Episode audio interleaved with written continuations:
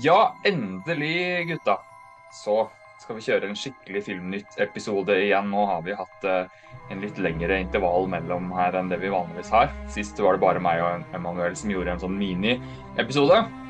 Men nå er vi tilbake med en skikkelig feit Filmnytt-runde her.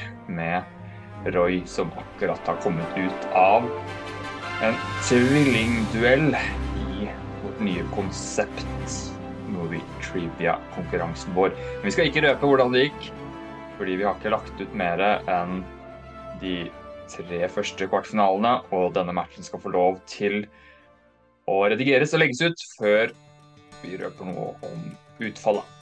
Men i hvert fall, jeg er Sindre Teske og Kaldal, og det er Filmnytt for dere som er nye. Så ligger det litt i navnet. Vi taper oss de største nyhetene innenfor film og litt TV, hvor det er størst fokus på de nye kinofilmene.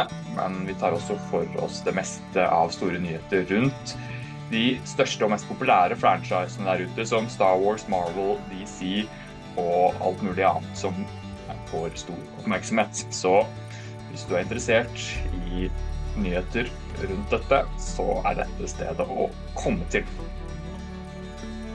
Velkommen tilbake, gutta. Takk, takk. De tre musketerer er samla igjen. Det er de, vet du. Og uh, jeg syns det er så utrolig artig at det her har blitt fast, og at i tillegg vi har fått til å starte denne konkurransen hvor dere får testa de små grå. Du Emanuel, du har jo fått til og med vært med i to matcher, selv om du ja. har tapt begge.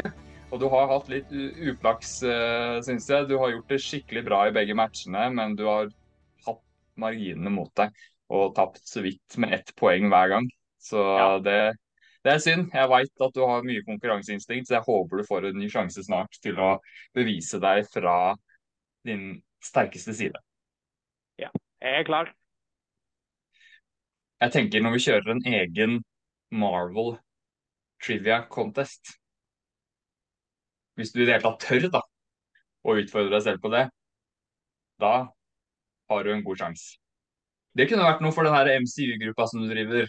Litt promotering for deg om Emanuel driver eh, MCU Fans of Norway, en administrator der sammen med noen andre. Tror du det hadde vært mange der som hadde vært interessert i å være med på, eh, på en uh, quiz-turnering i Marvel? Ja, jeg tror, mange, jeg tror mange kan være interesserte i det. Men eh, det er noe med det der å, å gå ut av det skallet og bare sette, legge hodet sitt på hoggestabben og, og tørre å ja, tørre å gå ut og si 'her er jeg, jeg vil delta'. Uh, og gjøre ja, seg kjent. Ja, jeg ser det. Det er litt skummelt. Det er litt lettere når man har gjort det noen ganger. Det er det. Ja, det, er det. Mm. OK, Roy. Du har fått vært uh, en del på kino igjen siden sist også. Uh, du har vel sett mer enn to filmer, men det er de to filmene som har hatt premiere denne helgen, som uh, vi skal ta for oss i utgangspunktet. Så bare for å gi en liten kjøreplan til de som lytter på oss. Vi skal begynne med å ta for oss da Blue Beetle og den nye Dracula-filmen som har premiere den eh, helgen som var nå. Uh, og så skal vi snakke litt om Asoka-serien på Disney Pluss, Star Wars-serien, som har premiere i morgen. Som har fått noen uh, første reaksjoner fra de som har fått å se de to første. Uh, og så skal vi nevne litt om Tommy Wiseau, hvis noen vet hvem han er. Han som er kjent for å ha lagd en av tidenes dårligste filmer, The Room. Han har nå faktisk kommet med en ny film og eh, Vi skal snakke litt om de første reaksjonene på den, og, og, og, titte litt på om han har klart å lage en enda dårligere film enn det han klarte med, med The Room. Og så skal vi nevne litt om et par andre sånn, artige nyheter om ting som kanskje kommer fremover etter hvert. Og Jeg ser at Roy rekker opp eh, en finger allerede nå, så det er en fint sted å starte. For nå har jeg prata altfor mye her, Roy, så bare ta over nå. Ellers så prater jeg i hjel eh, episoden. Ja, jeg bare ville, ville skyte inn en sånn uh, spontannyhet som jeg så altså, Etter at vi, vi var ferdig nå med, med Trivia-konken, uh, før, før, vi begynte innspilling her, så fikk jeg opp fra VG en sånn spontan nyhet om at uh, youtuberen Logan Paul hadde gått ut av Oppenheimer og sagt den var for kjedelig, de snakket bare. Ja, ja, men det er jo en stor nyhet, det. At en, eh, en eh, YouTuber i USA ikke syns at uh, Oppenheimer var uh, veldig spennende. Men jeg skal jo ærlig innrømme at jeg ikke er helt uenig med han, da. men jeg hadde aldri i verden gått ut av filmen. Altså Kjedelig i perioder til å være Nolan-film er for meg noe helt annet enn å være en genuint kjedelig film. Så Sammenlignet med mye annet jeg har sittet gjennom på kino, så var det jo på ingen måte en kjedelig film. Det er bare at når en film varer tre timer, og det er så så mye dialog, så merker man jo forskjell på de delene av filmen som er litt mer drivende. Det, det kan jeg jo si. Men uh, ja. Logan Paul skal få lov til å gjøre som han vil, men at det er en nyhet som VG må rapportere, det syns jeg jo er litt trist. Selv om det er litt morsomt også. Det er på grensa til Agurknytt. Hva sa du? Det er på grensa til Agurknytt, det der, altså. Mm. Men i og med at vi er inne på det nå, eh, Roy nevnte jo det her rett før vi eh, starta i stad, at vi har jo hatt noen box office predictions uh, som vi har sagt mye om over sommeren når det gjelder Oppenheimer og Barbie. og Vi har jo allerede konstatert at uh, det var Emanuel som var nærmest når det gjaldt Barbie, fordi han var den eneste som turte å spå at den skulle komme opp i en milliard. Og nå er den jo well past en milliard for lenge siden, nærmer seg 1,3. Men nå begynner du virkelig å nærme deg på spådommen din på Oppenheimer òg. Du spådde vel eh, litt i overkant av 800 millioner, gjorde du ikke det? Ja, var det ikke noe sånt? Hæ? Det var noe, det var, det var noe i den gata. Omtrent 800, og nå ligger den Nå er den på over 700. Jeg, jeg, jeg, jeg spådde 700, og Emanuel spådde 800. Som vil si at hvis den tjener inn mer enn 33 millioner til, så har Emanuel eh, vunnet med å være nærmest. Ikke sant. Det, han, han, har jo altså Det er jo helt dust, sorry så sier det, men hvor god du er på noen av de her altså Du klarte til og med å spå nøyaktig prosent på Rotten Tomatoes før de hadde anmeldelsene hadde kommet på de filmene. Eh, så hvis du, treffer, hvis du får riktig på begge box office òg, så ja, Vi nevnte jo det her med tidsmaskinen, tidsmaskinen tidsmaskin Roy. Og det må, det må, være et eller annet. Jo, og apropos det. Jeg, nå, nå delte jeg jo de tingene jeg tenkte vi skulle gå gjennom. Men egentlig, gutta, så har jo vi en lekse til denne episoden her som jeg helt hadde glemt. Og det er top, top five time travel movies. Og uh, har du rukket å lage den, Roy? Har du det for deg? Ja, men jeg har, jeg har tatt med til TV-showet. Jeg, jeg, jeg, håper ikke at det gjør, gjør noe. Nei, det får gå. det. Vi, vi snakket litt om det i stad, at vi kanskje skulle sone ut det etter hvert, og så kanskje gradvis satse bare på filmer, siden det blir så mange ting å ta av. Men eh, det kan vi jo diskutere litt fra gang til gang, hva som passer i forhold til tema. Så når, hvis du har laget det med TV-serier denne gangen, så er det Det får gå. Uh, Manuel, hva, du har bare tatt filmer, eller? Ja, jeg har bare tatt filmer fordi at uh, Men jeg, jeg kunne hatt men jeg kunne ha tatt eh, TV-serier, men eh, for meg så var det jeg, jeg, likte filmene bedre enn de TV-seriene som var aktuelle. Uh, så da ble, det, da ble, det, veldig lett for meg å bare ta filmer, egentlig.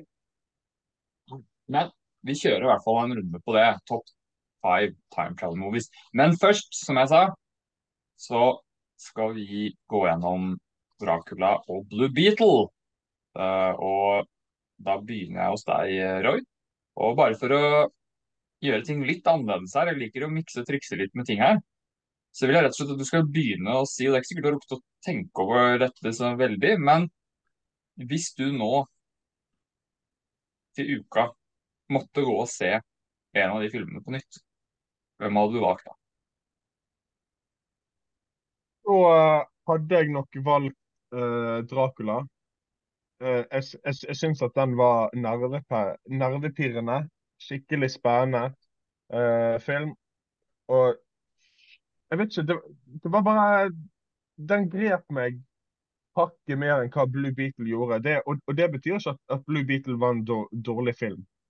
Uh, men uh, jeg, jeg, var imponert over hva de klarte å få ut av ett kapittel fra Dracula sin bok. Ja, interessant. Ikke så interessant. Men uh, hva Altså, Blue Beetle, hvis vi skal ikke sammenligne den med Dracula, da, for det er jo to helt forskjellige filmer, men det var interessant uansett å høre hva du ville sett igjen. Hvis vi skal sammenligne Blue Beetle med de andre superheltfilmene som har kommet ut i år, hvor god er den?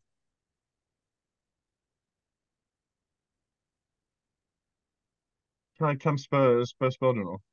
Nei, jeg spør fortsatt deg, Roy. Jeg er fortsatt på deg. Emanuel Forvente. Ja, ja. Um, jeg mener at Blue Beetle er en solid superheltfilm. Jeg, jeg, jeg syns ikke at det er den beste superheltfilmen i år. Um, men jeg syns at Altså, jeg skjønner at de tok den vekk fra HBO Max og, og til kinoen. Um, men jeg satt faktisk igjen litt med tanken om hadde jeg likt denne bedre hvis jeg så den sånn direkte på, på HBO Max. Uh, for når, når, jeg kom ut av kinosalen, så, så, fikk jeg en sånn tanke om at kanskje jeg er litt snillere hvis det er en streamingfilm, enn hvis det er på, på, på kino. da. Uh, så, så var det liksom en spennende tanke jeg fikk etter denne filmen. Jeg syns, jeg syns at filmen funker. Jeg syns at uh, humoren funker til dels. Uh, og så hvis, hvis, du syns at det er dumt at denne her tar tropes fra andre superheltfilmer, så er ikke denne her for deg. Uh, for jeg snakket med broren min etterpå, da, og han kunne på en måte påpeke 30 ting i denne filmen som han hadde sett i en Marvel-film fra før, f.eks. Men syns at det funker i konteksten som Blue Beetle gjør det i.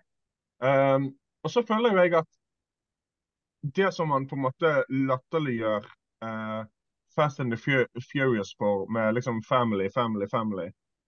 Det klarer de på en genuin måte å få til i, i denne filmen. da. Altså, Familien er den emosjonelle kjernen i filmen. Jeg syns det er veldig urettferdig at du bruker Blue Beatle-anmeldelsen din som en unnskyldning til å rakke ned på Fast and the Furious-filmene. Jeg hadde bare lyst til å skyte inn det, fordi hva er det, altså, det, er jo, det er jo genuint som bare det, det family-greiene der. Så ikke, ikke gjør narr av det. altså Det funker som bare rakkeren, Emanuel. Er du ikke enig? Jo da, eh, jeg, jeg, er enig, men jeg må jo si som, må jo si som, som Roy her, at uh, her er det jo ekte familie.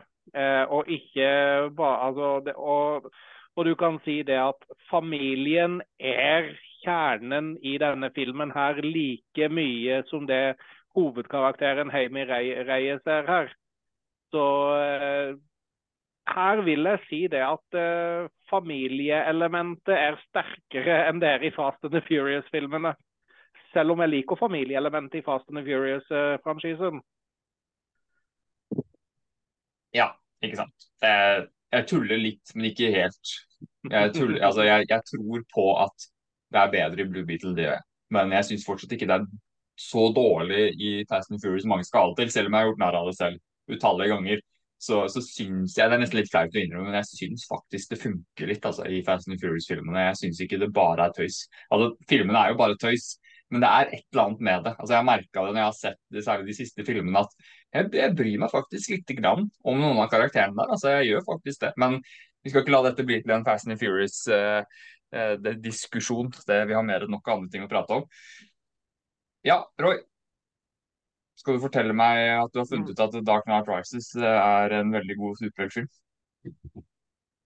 Eh, nei, så, altså, så, så langt har ikke vi kommet. Men uh, det, det jeg skulle si var at i forhold til humoren i Blue Beetle, så blir det for meg veldig åpenbart at onkelen i filmen blir spilt av uh, George eh, Lopez, tror jeg han heter. Han er Han startet jo karrieren sin som en standup-komiker. Og for meg så det, det blir litt åpenbart når jeg ser at han har skjønt på en måte komisk timing på en helt annen måte enn hva enkelte av de andre karakterene. da.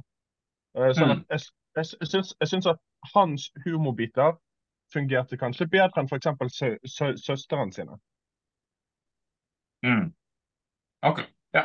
Så en litt sånn ubalansert eh, film i forhold til uh, performance. Så.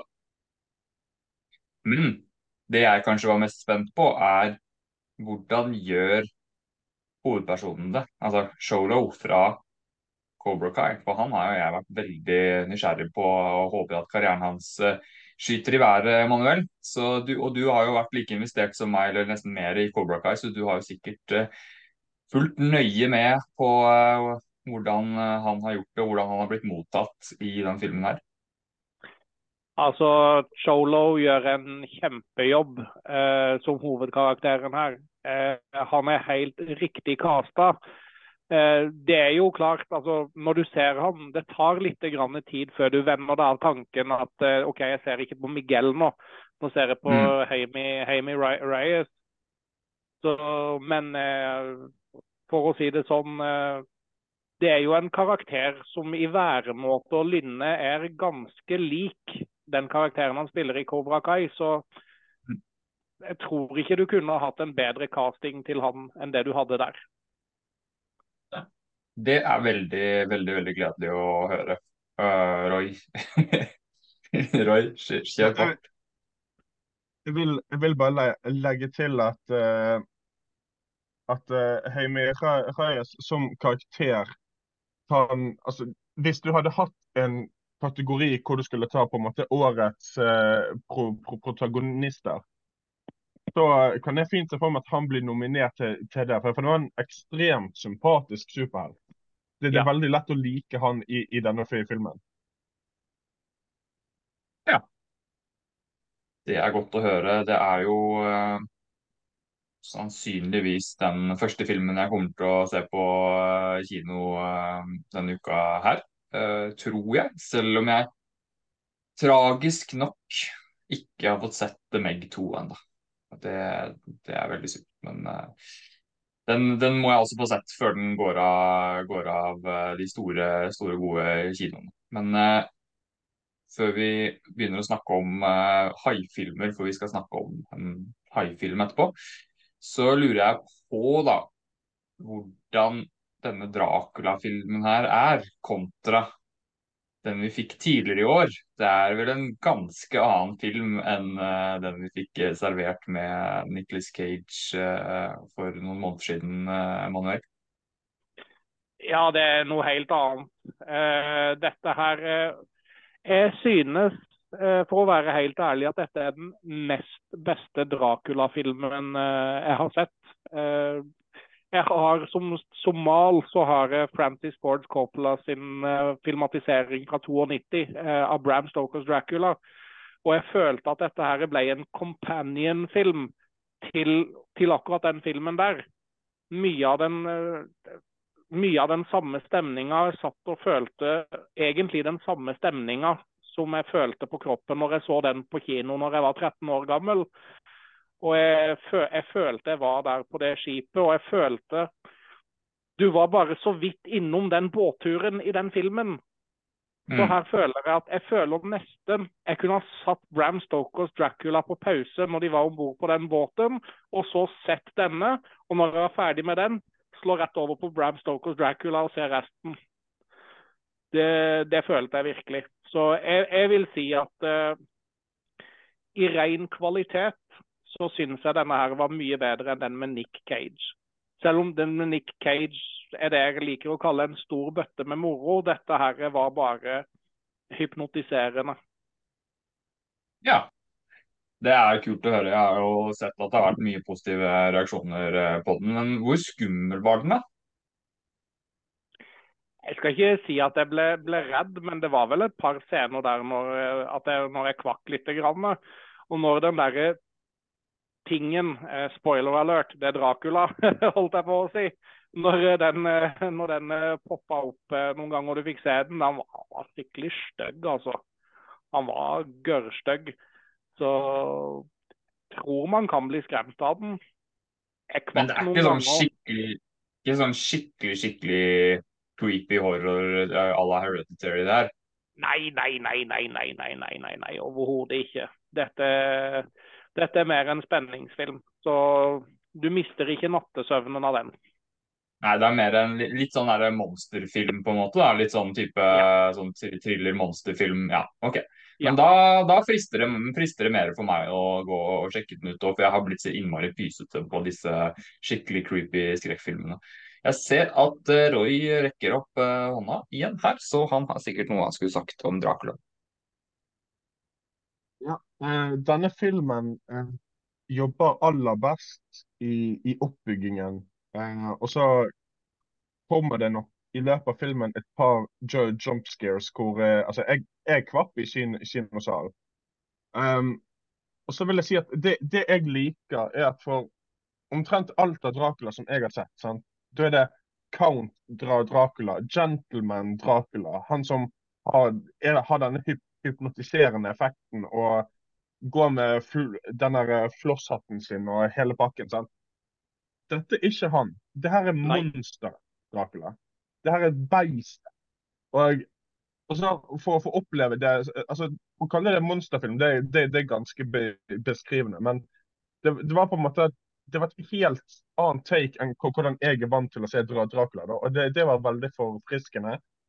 Og så vil jeg også bare skyte inn da, at han her eh, David eh, Dastmalchian, som jeg nå for en gangs skyld googlet opp før jeg sa navnet hans, um, han kan spille hva, hva som helst. Altså, han ja. spiller helt forrikende bra som høyrehånd til kapteinen på denne båten. Ja. Det var jo, det er veldig artig at du nevner, fordi jeg leste noe, en artikkel om han i går som jeg vurderte å ta med som tema, men jeg droppa det fordi jeg følte det var litt sånn en historie jeg hadde lest noen ganger før, men eneste grunnen til at jeg hadde lyst til å ta den med, var fordi det var han. For jeg er så fan av han, samtidig som jeg frustrerer meg over at vi aldri klarer å huske navnet hans. Men eh, poeng til deg, Roy, som har klart å, eh, klart å lære deg det nå. Så kan du ta med deg det poenget inn i uh, Ja, nei, nå, nå holdt jeg på å spoile her. Fader, nå spoila jeg for Emanuel. Kan du ta med, deg, ta med deg det poenget inn i et eller annet? Ja, OK. Vi får klippe ut det. Uh, men ja, da tar vi en pause. Og så prates vi igjen om et par minutter. All right. Da har vi dekket ukas to store kinopremierer. Og eh, ja, for å bare avslutte, da. Solo kommer til å se han igjen som Blue Beetle eh, i James Gunn sin versjon, tror du ikke det? Jo, eh, jeg vil tro det. James Gunn gikk ut på Instagram i forbindelse med premieren og skrev der at han, han nevnte at Blue Beetle kommer til å være en del av hans sitt nye DCU. Så jeg regner med vi får han, vi får se han mer. og Uten at jeg skal spoile noe, så fikk vi i en mid-credit-scene i hvert fall en tease om at det kommer mer.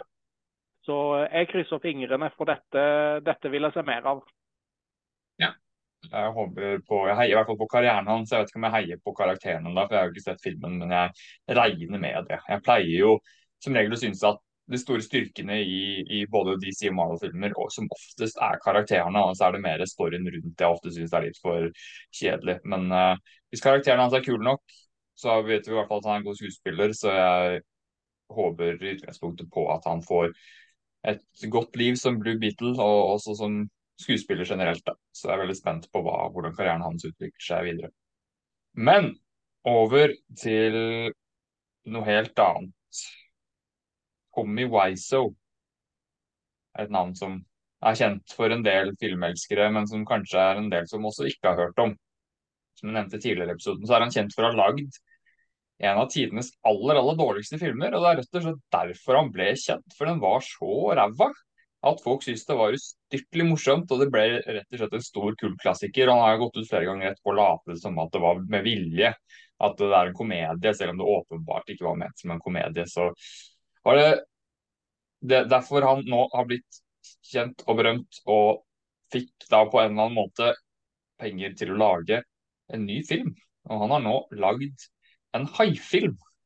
Og kombinasjonen av det at han har fått lov til å lage en film til, og reaksjonene jeg har sett på det, og at han lager en høyfilm, det gjorde det så saftig for meg at jeg rett og slett bare måtte bruke litt tid på å nevne det. Eh, og jeg syns jo det er ekstremt gøy å lese noen av anmeldelsene til den filmen her.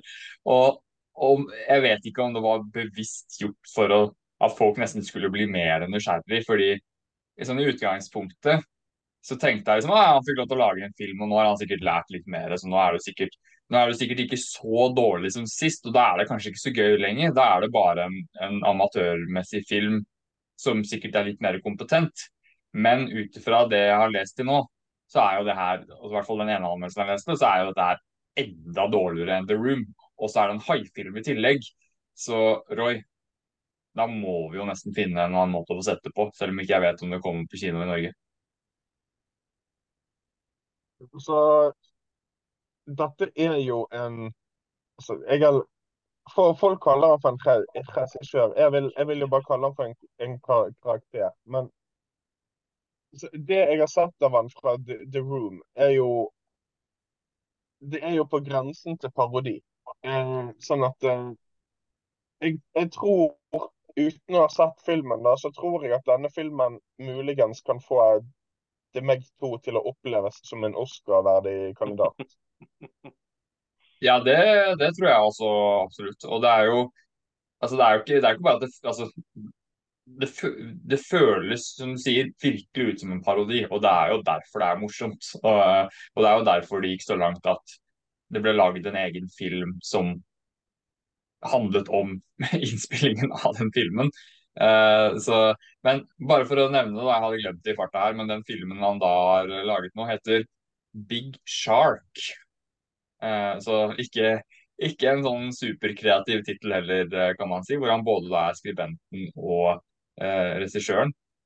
Sitter og ser på noen kjappe klipp av traileren her, og det ser jo akkurat så dårlig ut som man kunne, kunne, forvente. Men jeg kan ikke bruke så innmari mye tid på det her, for det er jo liksom bare Det er jo, det er jo så dumt, liksom. Men, men, det hadde vært innmari gøy å få muligheten til å se den på, eh, på kino. Men jeg har bare lyst til å lese opp kjapt noe av det som sto i denne anmeldelsen som, som jeg fant i går.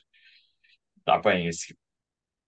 This is far and away the worst movie I have ever seen in my entire life. Og husk at dette er filmkritiker som ser flere filmer hver eneste uke og sikkert gjort det i flere tiår. I have spent all my waking moments wondering if I could ever watch a movie that's so bad it actually floored me. Nothing could have prepared me for this. The darkest forces of hell are no match for this horrific excuse of a movie that Wiseau has created. Big Shark is an, an intelligibly atrocity that will make you wish the video camera had never been invented. Ok, Har dere noen gang hørt en anmeldelse som har vært mer negativ enn det? Jeg kan ikke huske det, i hvert fall, uh, Emanuel, at jeg har lest noe. Altså, Ikke bare at det er den verste filmen personen noen gang har sett, men at han liksom bruker så sterke ord etterpå. Det, jeg syns det var en veldig god, god, uh, god anmeldelse, for jeg fikk innmari lyst til å se filmen. Ja, jeg, jeg har hørt, eh, jeg har hørt eh, anmeldelser i den gata der, men det er klart når du får en anmeldelse som det der, så, så, så, så sier det jo lite grann. Jeg tok og kikka litt. Grann. Jeg er ikke så veldig godt kjent med Tommy Wiser sitt, eh, sitt arbeid, men jeg kikka litt på, på, den filmen på IMDb. Og hun ene skuespilleren som er der på den cast-lista, er en skuespiller som heter Ashton Lay. Og når jeg tar og slår opp profilen hennes, så har jeg sett en film med henne som heter The Starving Games. Som er en sånn en parodi, mockbuster, tullegreie på Hunger Games-filmene som er forferdelig dårlig. Så det er klart det at når du har den type skuespillere som gjør den type filmer, så så er det ikke stor kunst vi snakker her. Men jeg vil se den, for jeg er veldig nysgjerrig. Men har du sett The Disaster Artist, som handler om Tommy Wiseau, som hvordan han, og produksjonen av den første filmen han lagde? For det er da James Cameron, James, James Cameron holdt jeg på å si, James Franco som spiller han. og det er jo bare, bare se den filmen, så får du et innblikk i den historien der og, og skjønner litt hvem han er og hvorfor han har blitt så kjent. For det er kjempegøy. Du trenger ikke å se noe han har laget, men bare se The Disaster Artist. Det, det burde du virkelig gjøre, altså. Kjempeartig Ja. film. Jeg elsker jo sånne filmer som handler om det å lage film. Uh, og den er jo i tillegg ikke bare fascinerende pga. det, men det er jo en ganske god film med ganske mye eh, sjel og sjarm også, syns jeg. Ja. Roy, har du noe mer du skulle sagt om, eh, om Tommy Wiseau her før vi beveger oss videre? Mm, Ja, uh, hun her, uh, Ashton Leigh har faktisk vært med i Cobra Kai.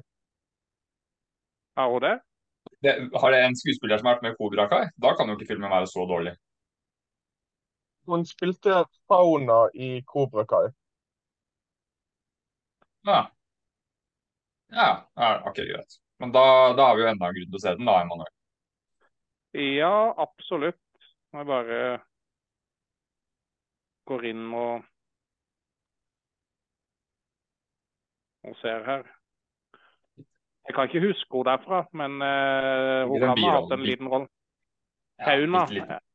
Ja. Ja, en liten sidekarakter. Ja. Ok, men eh, i hvert fall hvis vi får muligheten til å se den i Norge, så hadde det vært veldig artig.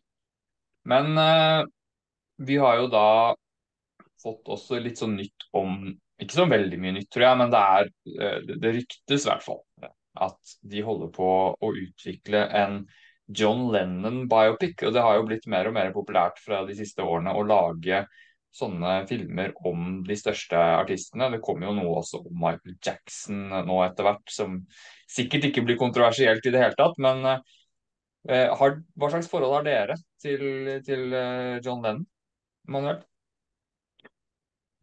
Altså, jeg har alltid elska The Beatles. Eh, det er for meg et av de største bandene noensinne. Og det er udødelig musikk og udødelige klassikere. Eh, John Lennon synes jeg kanskje har fått litt vel legendestatus, eh, holdt jeg på å si, for, i, forhold til det Paul, i forhold til den anerkjennelsen. Jeg, jeg, jeg mener personlig at Paul McCartney fortjener mer anerkjennelse enn John Lennon. Det blir, det blir sikkert veldig upopulært for å si. Men eh, jeg, jeg skulle ønske vi kunne få en ordentlig biopic om The Beatles. For jeg føler de har laga ting som handler om John Lennon før. Jeg vil heller ha noe om, om The Beatles. Jeg synes det er veldig synd at vi får en film om Milli Vanilli i år, før vi får en film om The Beatles. Men jeg kommer til å se den. Og det er jo ikke sånn at man ikke kan få en biopic om The Beatles fordi man får en om John Lennon. Jeg tenker jo heller at det kan være en forsterkende effekt. Det er fordi det som veldig ofte skjer, er at når det kommer ut eh, noe sånt, hvis det slår an veldig, så ser jo da studiene å ja, nå er dette i vinden, folk syns dette er interessant og vil vite mer om det. Og så er jo da en film som eventuelt tar, tar for seg mer helheten rundt The Beatles, vil jo være en såpass annerledes film enn en veldig fokusert film om John Lennon. sånn at jeg tror ikke det ene utelukker det andre på noen som helst måte. Jeg tror heller det forsterker sjansene for at man kan få det. Eh, Det tenker jeg. Hva med deg, Roy? Hører du mye på The Beatles? Mm, Jeg kunne mer om The Beatles enn musikklæreren min når Beatles var pensum. Uh, så The, Be The Beatles, John Lennon, Paul, Paul, Paul McCartney, altså George Harrison Det var, det var ungdomstid-tiden min.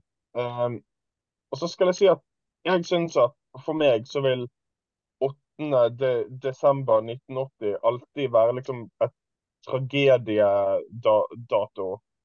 Og det jeg er mest re- redd for med denne filmen, er at eh, han som vi ikke skal, skal nevne av navn, som bestemte seg for å, for å skyte John Land, da, eh, får det som han ville. For han gjorde det for berømmelse. Det var grunnen hans. Um, sånn at jeg, eh, redd for at, eh, for, for at han, han får litt berømmelse gjennom en sånn her type fi, fi, film. Da. Så jeg, jeg håper at da når de lager han, at de ikke går altfor mye inn på på den da, datoen, da, men heller tar på en måte tiåret som, som, som leder opp til, til det.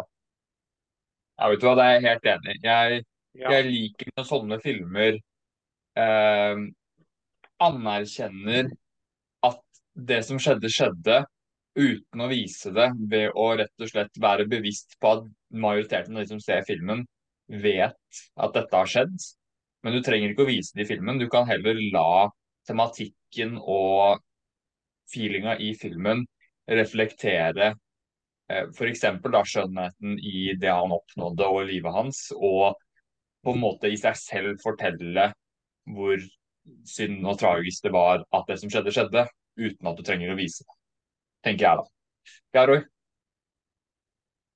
Men du, du har jo også Innenfor John Land så, så, har du en tematikk som kan være ganske spennende å ta fatt i. Nemlig det at for han, han var en ganske god far for det ene barnet sitt, og en ganske dårlig far for det andre barnet sitt. Um, Sean, som han fikk sammen med, med Yoko Ono, han, han, han var der for. Mens med førstekjæresten sin så fikk han Julian Land. Og da var det basically bare barnebidrag, på, på, på, en måte. Altså det, det, var ikke mye sånn farskap å, å, å hente der. Uh, sånn at det, det, tror jeg kan være på en måte sånn um, på en måte kul, kul ting å få fram. da. Hvis du går bak historien på legenden, så han, han er ikke en helt. Nei. Det hadde jo nesten vært kjedelig. Altså, det er jo, det er jo få, få, store artister som bare er en helt. Og, og hvis man mister nyansene og kom, kom, det komplekse da, med sånne personer, så blir det jo stort sett ikke så veldig interessant heller. Det er jo generelt egentlig ganske kjedelig på film sånn utgangspunktet hvis folk skal fremstilles veldig sånn A4. Og det er jo eh, kanskje et av problemene litt med en del popkultur i dag. da, at eh, og, og, nå skal jeg ikke begynne å disse, disse noen store franchiser og Marvel eller noe sånt her, fordi jeg jeg liker jo det veldig godt. Men, men eh, jeg tror en del av studioene har begynt å, å, å liksom henge seg litt for mye opp i at man kan kapitalisere på fanservice, og at når folk ser på ekte personer eller fiktive karakterer som veldig sånn ja, perfekte helter, eh, som bare er veldig, veldig fine og flotte og sterke, så er det veldig lett for studioene å lene seg veldig hardt inn i det. Og det er jo for så vidt greit når det handler om en fiktiv karakter noen ganger, men, eh, men, når man skal lage noe om ekte personer, så er det ekstremt viktig at man faktisk prøver å reflektere virkeligheten litt. Ellers er det bare å droppe det, tenker jeg. Ja, Roy, du har mer å si her. Det, det bare slo meg. Tenk hvor gøy man kunne hatt det hvis, hvis de lagde en franchise som var omvendt Avengers. Sant? Eh, du har Beatle-filmen først, som har alle fire. Og så kommer solofilmene som følger karrierene deres etterpå, med, med de samme hovedrollene etterpå. Det, ja. det, det hadde slått slå, ja. an hos meg. Ja, vet du hva. Det hadde Altså, why not? Altså, hvis de hadde gjort det bra, så hadde jo det vært en Altså, det kunne jo blitt en kjempesuksess, liksom. Fordi alle de er jo såpass populære innad i seg selv og det å da lede Tenk hvor mye den Beatles, eh, selve Beatles, eh, liksom Avengers Beatles-filmen hadde tjent, da. Hvis alle de andre filmene først var skikkelig gode. Emanuel? Altså, for å spinne litt videre på det, så har jo Beatles, eh, John Lennon altså de har jo hatt interaksjoner med andre legendariske artister. Så egentlig da, da kunne man jo egentlig ha spunnet det sammen til en stor franchise om kjente artister. Så eh, blant annet, eh, Det er jo et, noe opptakene dessverre har forsvunnet. Men Beatles var jo på besøk hos Elvis eh, i Graceland, leste og De hadde en jam session der, og opptakene av det forsvant. Men tenk deg hvor gøy det hadde vært en, først om etter Elvis-filmen, om de da hadde hatt en sånn crossover-film eller en crossover moment hvor Austin Butler spilte da Elvis sammen da med Beatles i denne filmen. Ja, ja, altså Hvis det nå skjer de neste årene, så veit vi jo hvor ideen har kommet fra. Så må, da må vi sende en uh, sjekk til, uh, til, det studioet som, uh, som eventuelt begynner å kapitalisere på den ideen. Jepp, Roy? Så for, forventer jo forventer jo at hvis denne filmen skjer, skjer da, så forventer jeg jo at de andre Beatlene kommer nok til å dukke opp i denne filmen. Som blant annet når John Lennon lagde sangen How Do You Sleep, som bare var en eneste stor rose mot Paul McCartney, så fikk han jo George Harrison til å spille, spille gitar på han. Um, og han, han, eh, han, han, hengte jo ofte med, med Ringo i løpet av 70-tallet òg.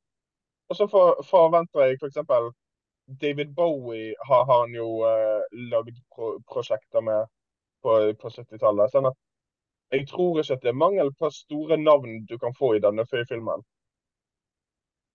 Nei, det tror ikke jeg heller. Altså, det er en, en, et konsept som kommer til å tiltrekke seg mye talent bak og foran kamera, og et prosjekt som kommer til å eh, trekke mye folk til kinoene uansett, tenker jeg. Men eh, jeg, bare, jeg, jeg, klarte ikke å slippe helt tak i den, den, den ideen jeg, for jeg har tenkt på det flere ganger, dette her med den, Avengers-formelen, som jeg bare tenker at ok, det er, det er, dumt hvis alt skal bli shared universe, men det er så mange andre type franchiser som jeg har sett for meg kunne blitt ustyrtelig kule hvis de hadde brukt den formelen. Da tenker jeg jo på ting som, altså, ting som kan være nye ting, men også eldre ting, hvor jeg har fantasert om det mange ganger. at F.eks. Dødelig våpen og Die Hard, som var mine favorittfranchiser. Tenk hvor artig det hadde vært når de kom omtrent på samme tid, hvis, man, hvis det var laget av samme studio. Og, og, man da kunne hatt liksom, ok, disse actionheltene her har hver sin greie, og så møtes de. Litt sånn som uh, hadde sitcom-spørsmålet i, quizen tidligere i dag om uh, King of Queens og Everybody Loves Raymond, som da var uh, de mest populære kanskje de to mest populære sitcomene akkurat på det tidspunktet hvor de to var på det største. Og det ble jo da etter hvert et delt univers hvor man skjønte at de karakterene eksisterte i samme virkelighet. Men det var ikke sånn at de blanda hverandre hele tiden, men begge karakterer hadde opptredener i hverandres serie. Så dette er jo absolutt en modell som kan fungere ekstremt bra utenom bare superhelter. Som jeg, jeg, jeg tror faktisk det er ganske mange studier som de prøvde jo med det her monstergreiene, og det gikk jo i vasken lenge før pga. den første filmen ikke var så bra. Men nei, det er ganske mange konsepter som jeg tror kunne vært veldig tjent med å bruke den formelen, uten at man må, man må ikke lene seg for mye på det. Man må jo fokusere på å lage individuelle gode ting først. Men uh, jeg tror det er et ubrukt potensial i den formelen der, faktisk. Ja, Roy? bare siden du, du nevnte sitcoms og sånn, så skal jeg uh, skal av, avsløre all alderen min og si at når jeg var tolv, uh, så var det en kjempestor event på D Disney Channel som het That's So Sweet Life of Hannah Montana. Hvor de crossover That's So Raven, Sweet Life of Secka Cody og Hannah Montana i samme greiene. Uh, altså De dukket opp i hverandre sine ep ep episoder. da. Sånn at eh, det var jo uh, Det var jo på, på, en måte uh, kanskje det at det ga Kevin Feige ideen om å lage Avengers, tenker jeg. ja, det, det, tror jeg faktisk er veldig sannsynlig. At det var der han plukket opp. Jeg tror ikke du er på, tror ikke du er på villspor der. Altså. Ok, Har vi noe mer å si, si da, eller skal vi bevege oss over på litt Star Wars her? Begge, begge, har litt mer å si. Ok, Manuel, du kan få starte. Ja. Siden vi er inne på dette her med musikk, musikk bio, bio, biopics nå, så må jeg jo bare nevne det at uh, i løpet av året uh, Den har ikke fått norsk kinopremiere ennå, men har fått i Danmark. Så får vi en film som heter 'Better Man', som er en biopic om uh, Robbie Williams.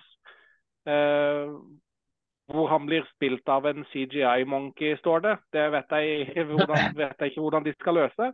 Eh, men det høres veldig Robbie Williams ut å gjøre akkurat det der. Eh, og så må jeg jo bare nevne det at vi får jo en film om Bob Marley på nyåret som ser aldeles nydelig ut. Så musikkbiopics, det, det heier jeg på, hvis det kan lages bra. Ja, det gjør jeg også. Det er artig, selv om jeg ikke altså Biopic generelt er ikke min favorittsjanger, men det er jo ofte veldig mye energi i musikkbiopicene. Så selv når de ikke er kjempegode, så er de som regel ganske underholdende å se på. Jeg syns jo f.eks. at, eh, at uh, den Bohemian Rhapsody jeg hadde ikke noe veldig sterkt forhold til Freddie Mercury, men jeg syns jo den var veldig underholdende å se på, selv om den kanskje kunne oppfattes litt som delvis som en recreation av en konsertvideo. Men det var jo, det var jo fryktelig, fryktelig, underholdende hele veien, selv om det kanskje mangla litt grann dybde. da, så, så, er det veldig sjelden at de filmene der blir kjedelige. I hvert fall når musikken er bra, så, så koser man seg liksom gjennom, og det er god stemning og sånn. Så ja. Roy?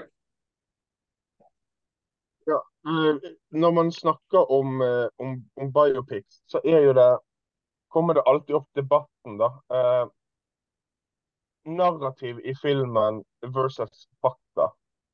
Eh, og for, for meg, forrige gang de lagde en John Land-film, så var vel det Nowhere Boy med Aaron Taylor Joe Johnson.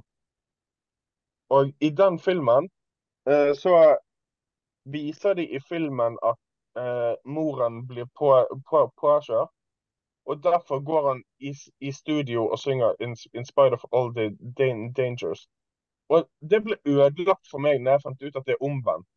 Han gikk i studio først, og så ble han på, påkjørt i virkeligheten. Ja. Uh, så jeg, jeg, håper jo liksom at vi kan få en biopic uh, som hvor man følger liksom det faktiske som, som, som skjer. da. Og det, det, det, her er på en måte en kritikk som du kan ta på Bohemian Rhapsody og Elvis, Noah Boy, Walk the Line. Altså, alle, alle gjør, gjør, det. Men eh, jeg håper at man kan få en biopic som ser at denne personen er interessant nok. Vi, vi, vi trenger ikke å, å kødde med, med faktaen. Nei, som regel så så trenger man ikke det når man skal reflektere virkeligheten, hvis, hvis bare virkeligheten har vært, vært litt interessant i utgangspunktet. Men, men, jeg skjønner jo hvorfor man har lyst til å gjøre dramaturgiske grep òg. Men, men, det er litt med å respektere den personen og den virkeligheten man skal fortelle om. da. Eh, og, og, og, i hvert fall Hvis folk sitter og forventer at det de får er en sann historie, stort sett. Eh, man skjønner jo alltid at man må legge til detaljer og sånn for å få ting til å flyte, og dialog og alt som man må finne opp. Og man må kanskje skape noen scener som er ting som ikke har skjedd 100% for å fremstille eller for, for å forsterke virkeligheten litt. da. Men, eh, men det å ja, endre på en, en såpass uh, viktig, dramatisk greie, der føler jeg jo ofte at, at grensen går litt. Da, for da, da, skaper du jo et helt annet inntrykk enn det som faktisk var. Jeg, jeg syns kanskje det er bedre den måten ting Uten at jeg er noen ekspert på uh, historien rundt Neil Armstrong, så tolket jeg det de valgte å gjøre i filmen der Oi, sorry. Jeg må, eh, jeg må ha, jeg tror jeg må sette av sånne faste gjespeperioder i, i episodene på meg, så jeg bare kan få det ut. uh, nei, det de gjorde i, i uh, First Man, var jo at de tok utgangspunktet i mangelen på uh, klarhet rundt en del ting. Og, og de, Man visste jo at han slet med mye sorg etter datteren sin. Og, da valgte man til å gjøre det til en veldig stor greie som han slet med under denne reisen, og at det var mye av motivasjonen hans for å dra dit. Og så hadde man denne scenen jeg vet ikke om Har dere sett filmen, forresten? 'First Man'? Du har ikke sett den? Emanuel? Jeg har sett den. Jeg har sett den. Du har sett den. Ok, Nå, nå, nå spoiler jeg litt, der, så du får lukke ørene hvis ikke du vil, du vil høre det. Men uh, det er i hvert fall en scene med, når han er på månen, hvor det blir gjort en sånn veldig stor greie at han, at han følte på en måte at han måtte dra dit for å kunne deale med datteren sin død. Og, og hvorvidt det er sant, det vet jo kanskje bare Neil Armstrong og hans aller nærmeste selv. Men de valgte i hvert fall å gjøre det til en stor del av historien for å lage en veldig rørende film. Og det var ingen som nødvendigvis visste at det var feil. Eh, og, og, de endret jo ikke nødvendigvis på noen sånn åpenbare fakta eller noe sånt som man visste. Da. Så jeg føler at der, der, er jeg litt mer for å gjøre det. Hvis man vet at ja, det at han, måtte håndtere datterens død, det var en veldig stor greie for han. Samtidig som han skulle involvere seg i den månereisen. Og det å da måte, dytte det litt inn i hverandre og gjøre det til en sånn dramaturgisk greie som fungerte hånd i hånd, det syns jeg er ålreit. Når, når, du ikke vet helt hva greia var. Men hvis du vet hva, hva, som har skjedd, og så endrer du veldig på det, det føles feil når det er en biopic. Jeg Roy? Bare søkte opp uh, First Man nå, og ser på rollelisten da har du Jason Clark, som også har spilt i biopicen Oppenheimer, og som også er med i biopic-serien Winning Time, uh, The Rise of LA Lakers. Så han har virkelig funnet sjangeren sin. Ja, ok, greit. Sånn at når den der John Lennon-biopicen kommer, så er det grei, ganske grei eh, sannsynlighet for at han er med der da, i en eller annen rolle. det får vi satse på. Ja. Ok, men jeg tenker vi eh, beveger oss videre nå, ja, sånn at ikke dette blir enda en sånn to timer 45 minutter lang episode. Uh, selv om det er gøy, så er det kanskje litt uh, mye. Jeg har lyst til å uh, gå over til en galakse langt, langt uh, borte, uh, før vi må ta en liten pause her. Og nå er det bare tolv timer nøyaktig, tror jeg. Tolv timer og tre minutter til vi kan se de to første episodene av Star Wars-serien Asoka på Disney pluss. Den hadde egentlig premiere på onsdag, men så flyttet de den frem en dag sånn at den kommer i morgen. Og jeg er ekstremt hyped nå på den serien, og de første reaksjonene har vært rimelig positive. Ikke sånn der over the moon, dette er det beste Star Wars noensinne, og sånt, men akkurat så positive at jeg ikke på noen måte føler jeg må skru ned forventningene mine, eller ikke, ikke nødvendigvis opp heller, men, men, akkurat litt det jeg håpet på. For de som ikke vet det, så er jo dette en serie som skal henge sammen med Mandalorian-universet.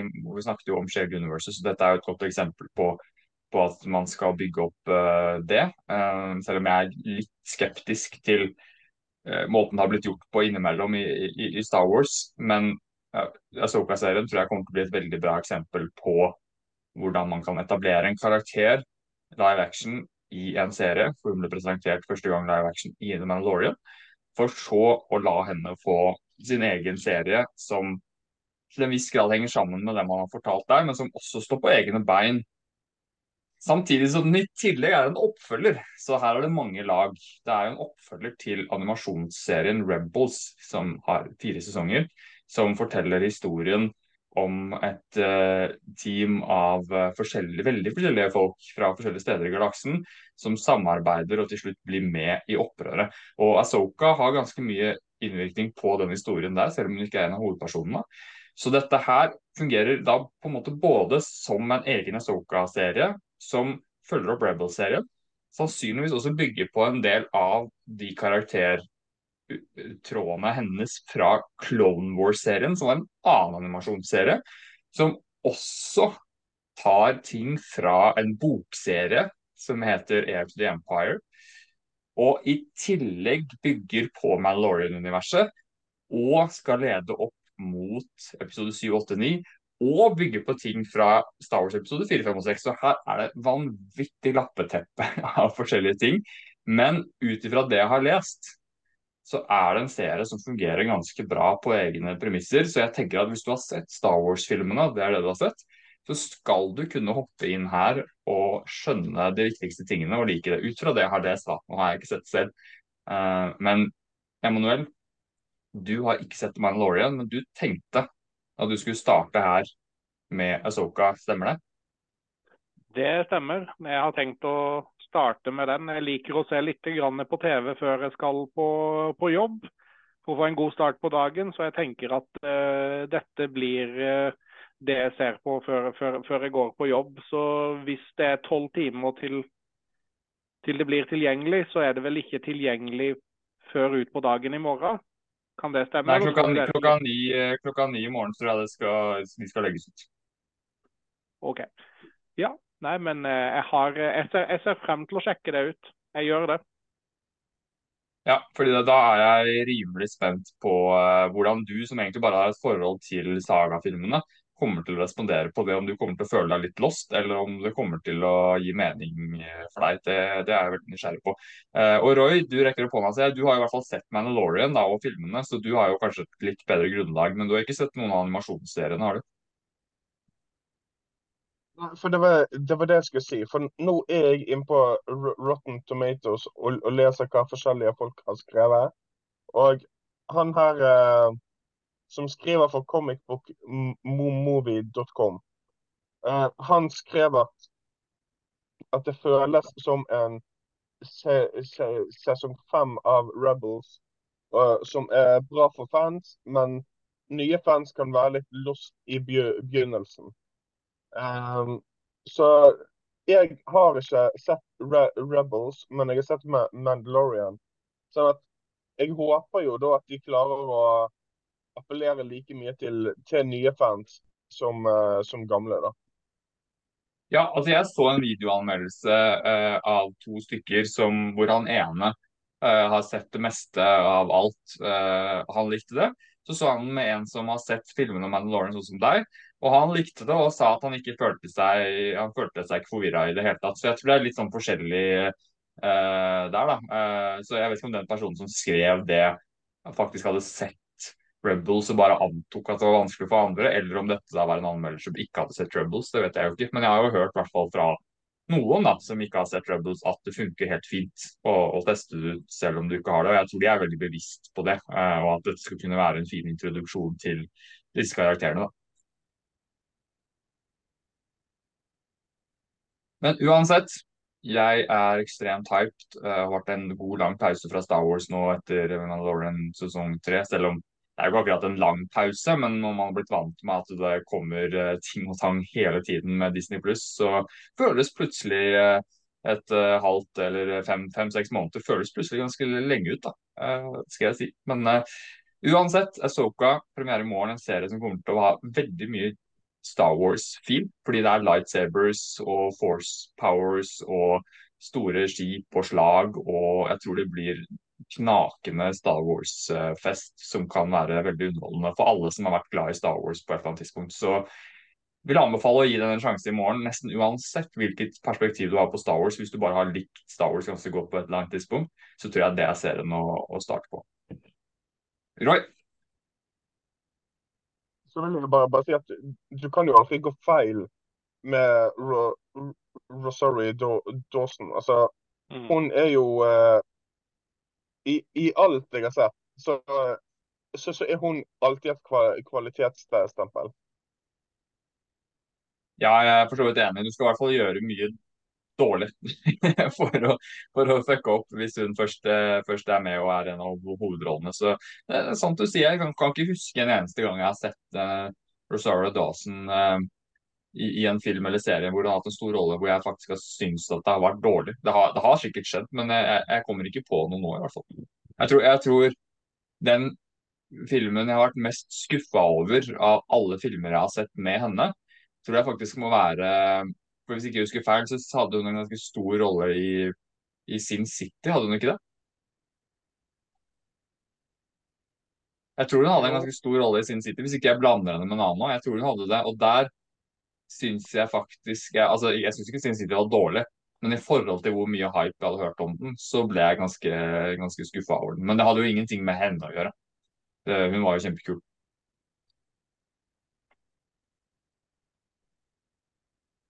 Vil du sjekke opp, Roy?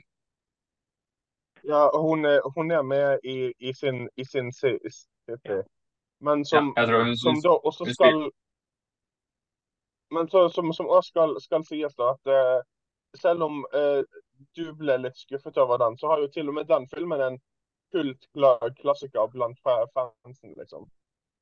Ja, ja, altså det er jo en, jeg er jo en minoritet der. liksom Sin City er jo en en film som veldig mange elsker, og stort sett de fleste syns den er bra. Så, og jeg syns heller ikke den er dårlig. Eh, jeg bare jeg syns ikke den var så bra som jeg hadde håpet på, uh, ut fra det jeg hørte på forhånd. Uh, men igjen, det hadde jo ingenting med henne å gjøre. Hun spiller jo egentlig bare i en, et segment av den filmen er jo delt i tre, hvis jeg ikke husker feil, tre forskjellige historier. Så hun, hun har en stor rolle i en av de, den, den historien med Clive Owen. Men uh, uansett, hun er alltid god, og jeg tror hun kommer til å bli en Hun er allerede en fan favorite i Star Wars, men jeg tror hun kommer til å liksom, gli ut av å være en, en, favoritt for de som er litt spesielt interessert, til å bli en sånn veldig sånn allmenn godt likt for alle som er litt interessert i Star Wars. Så tror jeg hun kommer til å bli veldig embraced som den karakteren etter hvert. Det er jeg ganske overbevist om. Ok, da lar vi Star Wars-ballen eh, ligge enn så lenge, og så kommer jeg nok ut med en ganske kjapp reaksjon etter at jeg har sett de to første episodene i morgen, eh, tenker jeg. Fordi nå er jeg gira på å komme i gang med Star Wars-content igjen. Jeg kommer til å begynne å lage ganske fast content for å dekke Asoka. Uh, ikke bare alene, men med andre Star Wars-entusiaster også, så det gleder jeg meg veldig til. Men da tar vi en kort pause før vi kommer tilbake med topp fem. Ok, men da skal vi gå over til det som vi har prøvd å ha som i hvert fall en ukentlig greie. Selv om vi ikke alltid har gjort det hver episode, så prøver vi å ha det en gang i uka. Og det er en fast topp fem-liste hvor eh, vinneren da, fra forrige gang, for vi har alltid kåret en vinner og hvem som har den beste lista, får lov til å velge tema for neste gang. Og du Emanuel, du valgte jo da time travel movies. Og eh, da har vi jo hatt noen kriterier, men ikke så veldig strenge kriterier på at time travel må være en ganske relevant del av plottet i filmen eller serie. Men som du nevnte, Emanuel, hvis det er en stor, lang TV-serie, og så er det én episode inni der en eller annen gang i løpet av 150 episoder som har med time travel å gjøre, så teller ikke det. Men hvis det er en stor del av serien generelt, så kan det telle. Ja. OK. Da lurer jeg rett og slett på om jeg skal begynne. Fordi jeg har vært så frem og tilbake på hvem jeg skal plassere hvor, at jeg har bare lyst til å komme i gang. Sånn at jeg ikke kan ombestemme meg igjen. Og vi kjører selvfølgelig bunnen først. Så vi tar hver vår nummer fem, og så jobber vi oss oppover. Eh, og jeg lurer rett og slett da på om jeg går for en film som jeg hadde glemt litt, grann, til jeg begynte å søke opp uh, Tanchong Travel igjen. Og jeg har lyst til å velge da 12 Monkeys med mm. Bruce Willis. Som jeg Det er en stund siden jeg har sett den, men det er en veldig, veldig god sci-fi-thriller. Uh, med en kjempebra performance fra Brad Pitt. Så jeg mener å huske at han til og med ble nominert til Oscar for beste birolle uh, for den filmen. Uh, Veldig, veldig godt fortalt uh, film. Uh, en av de bedre Bruce Willis-filmene, syns jeg. Så den burde man absolutt prøve å se hvis man uh, liker bare enten liker god sci-fi eller liker time travel-filmer. har dere sett den, gutta? Knallfilm. Hmm. Der har du ført opp den på lista di, altså, Roy, for det er, det er, god film. Også. Det er virkelig god. Den er, så, den er god på flere måter. Det var min nummer fem.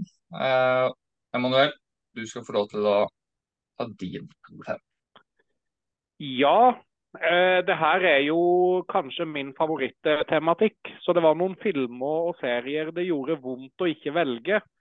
Sånn som eh, Bill and Ted's Excellent Adventure og de andre filmene der. Og Legends of Tomorrow, Quantum Leap eh, og sånt. Eh, men på femteplass, det, det, er kanskje litt kontroversielt. fordi at jeg likte denne filmen ganske mye bedre enn de fleste som egentlig eh, kjenner, og som har sett på reaksjoner. Det er en litt annen form for tidsreising, men det er tidsreising, den der inversjonen, eller hva de kaller det. Så jeg har faktisk Tennet på min femteplass. Ja, jeg syns at det teller som en tidsreisefilm. Den var vel en av den var ikke, den var ikke topp fem for meg, men den var en av de som var liksom i sikte bak der, som var litt aktuelle. Men uh, det var for mange sterke motkandidater. Ja. Roy, what is the fifth best time travel movie or series? Det er en uh, uh, Netflix hadde vel kategorisert den som en helsprø komedie. Mm. Uh, som heter Hot Tub Time Machine. Ja! Jeg ja, ja, ja. eh, og det, det, er jo da en, en time travel-film eh, med en vennegjeng som, som da ender tilbake igjen i tid og, og, forsøker da gjennom filmen å komme seg tilbake igjen til sin egen tid. Mm. Og det er jo da, Må jo selvfølgelig bruke det her til å promotere Kobra Kai, Manuel. Kan du ikke si hvorfor dette er relevant for Cobra Kai-fans? Jo, Det er jo skaperne av, av Cobra Kai eh, som, eh, som, står bak det. Men det som jeg synes er fantastisk, er det at du får noe så unikt i den filmen der. Med at det er nesten en slags crossover mellom Back to the Future og Karate Kid her. Ved at du både har Crispin Glover fra Back to the Future-filmene der, og William Zapka fra Karate Kid og Kobra Kai som dukker opp her. Og du har til og med en scene der hvor eh, Jeg lurer på når de spiller biljard, hvor uh, Zapka sin karakter kaller han der fyren for McFly. Så Ja, stemmer. stemmer. Ja, jeg husker jeg koste meg stort med den på, på kino. En film jeg så uten å ha noen forventninger til den, og så var det bare kjempegøy. Så det var ikke, var ikke helt der oppe. Det er så mange jeg virkelig virkelig elsker på, på, på den lista her. Sånn den helt, nådde ikke helt opp her heller, men, eh, men eh, hvis jeg skulle lage en topp ti-liste, så hadde den nok vært der. Ja, samme her. Da er det min nummer fire. Og det var her jeg måtte begynne å være litt streng på meg selv med hva som faktisk teller som time travel eller ikke. Uh, og jeg var nesten litt frista til å ta med Star Trek, den der JJ Abrams-rebooten den første, for den liker jeg veldig veldig godt. Men jeg syns ikke det er en stor nok del av filmen som handler om time travel. Det er vel, så vidt jeg husker, én karakter som reiser i tid, eller man finner ut har reist i tid for å gi en liten bit med informasjon. Uh, men det er liksom ikke, det er ikke en stor del av plottet sånn generelt. Så, så uh, Eller jo, vet du hva? Nå, nå, nå, nå, må jeg arrestere meg selv her. Jeg, jeg kommer på det nå. Det er faktisk en litt større del av filmen enn det jeg, enn det jeg tenkte nå. Fordi bad guyen kommer også reiser også i tid. Så, så, hovedkonflikten oppstår fordi bad guyen reiser i tid. Ja, da, da vet du hva, da endrer vi her. Da kjører vi inn Star Trek-rebooten eh, til JJ Abrams. Det var bra jeg kom på den delen av det nå. Eh, så det er min, eh, min nummer fire. En veldig god underholdende sci-fi-film. Selv om jeg ikke har noe forhold til tidligere Star Trek, så syns jeg den var fryktelig underholdende og fortjener absolutt en, en plass på den lista. Ja, Emanuel. Ja, på fjerdeplassen eh, så kommer Christopher Nolan inn en gang til. Eh, man finner etter hvert ut at her har, de, her har det blitt eh, time travel en fantastisk film som jeg dessverre ikke fikk sett på kino, men som jeg elska når jeg så den hjemme. Og det er 'Interstellar' som jeg har på min fjerdeplass. Mm. Det liker jeg. Det liker jeg. Den filmen er eh, den, Det er ikke den beste Nolan-filmen, men den er helt der oppe for meg på i noen filmene som jeg har sett mest pris på. All right, Roy. Ja, på min fjerdeplass uh, så kommer det da en, uh, en TV-serie. Uh, og jeg vil, jeg vil, jo si at denne i aller høyeste grad er en, en time travel-serie. det er kanskje for meg det gøyeste som kom av Arrowverse. Ja. Og da skjønner iallfall Eman Emanuel ja. hva, jeg, skal fram til. Ja. og det er det er League of Le Legends. Uh, bare en gjeng av uh, egentlig sidekarakterer fra både Flash og, og Arrow-serien. Uh, som da kommer inn i dette time travel-romskipet og må på en måte fikse opp da i forskjellige tidsepoker i, i, i, de forskjellige episodene. Og det, det skjer så mye sprøtt i, i den serien. At det, det, er helt vilt. Ja, den har jeg ikke sett, så den uh, skal jeg kanskje, kanskje sjekke ut denne gangen. Så jeg er veldig utsulta på time travel-ting. Men det er jo så mye av det, uh, og det har alltid vært så mye av det. Så, uh, og det virker ikke akkurat som om de store franchisene har tenkt til å stoppe å bruke time travel som en greie. Fordi jeg går jo da til, uh, til min nummer Jeg vet hva, det, det nå, nå surrer jeg her. Det er ikke en stor franchise jeg skal til nå. Det er en enkeltstående film eh, regissert av en ganske kontroversiell filmskaper. kanskje en av de mest kontroversielle filmskaperne i Hollywood de siste ja, seks-syv åra. Eh, jeg vet ikke om dere kan kanskje gjette dere frem til hva jeg snakker om da? Nei. En, eh, en, eh, en som har regissert en veldig kontroversiell Star Wars-film. Som også har laget en time travel-film med Bruce Willis. Er det Looper? Looper? Det er Looper som jeg vil ha inn på min uh, tredjeplass. En film som uh, jeg ikke helt visste hva var da jeg gikk til den, og ble veldig sjokkert. og Det er vel en av de siste rollene til Bruce Willis hvor han virkelig føltes ut som han brydde seg om det han gjorde, samtidig som helsa hans uh, var på plass. Så nok en Bruce Willis-film faktisk inn på topp fem Time Travel Movies. det syns jeg er litt artig. Og den er både en veldig god, uh, god sci-fi time travel-film, og også ganske bare en sånn god, god fortelling, uh, syns jeg. Hvor den, den har liksom De fleste Ryan Johnson, eller alle Ryan Johnson-filmene, har uh, veldig gode poenger med seg. Altså han, han, forteller ikke en underholdende historie bare for å underholde, men han klarer å fortelle en historie som har et, et, et, et veldig godt poeng med seg. Veldig presis, veldig sånn lite dødt liksom veldig lite dødtid. Det er veldig lite som føles overflødig. Den er veldig sånn straight to the point og har en veldig sånn dramatisk, eh, modig slutt. Da. Veldig sånn brutal slutt som, som jeg likte veldig godt. Uh, hadde dere sett den begge to? Jeg har sett den for lenge siden. Ja. Den, uh, den er knallgod. Uh, så den anbefaler jeg alle som ikke har sett den. Som, og så hvert fall Hvis du har likt noen av filmene til Ryan Johnson før, så har den den der edgen hvor han ikke er redd for å ikke redd for å, for å tråkke på noen tau, for å si det sånn. Han tar de vendingene han har lyst til å ta i filmene. så Enten så funker det veldig bra, eller så faller, faller du litt av lasset. Men det, det, er det jeg liker med han. OK, Emanuel? Ja. Eh, på min tredjeplass så har eh, Back to the Future 3? Eh, nei, det har jeg ikke. Det, hadde, det, det har jeg ikke. Jeg har eh, kanskje det som mange mener er den beste oppfølgeren noen gang laga.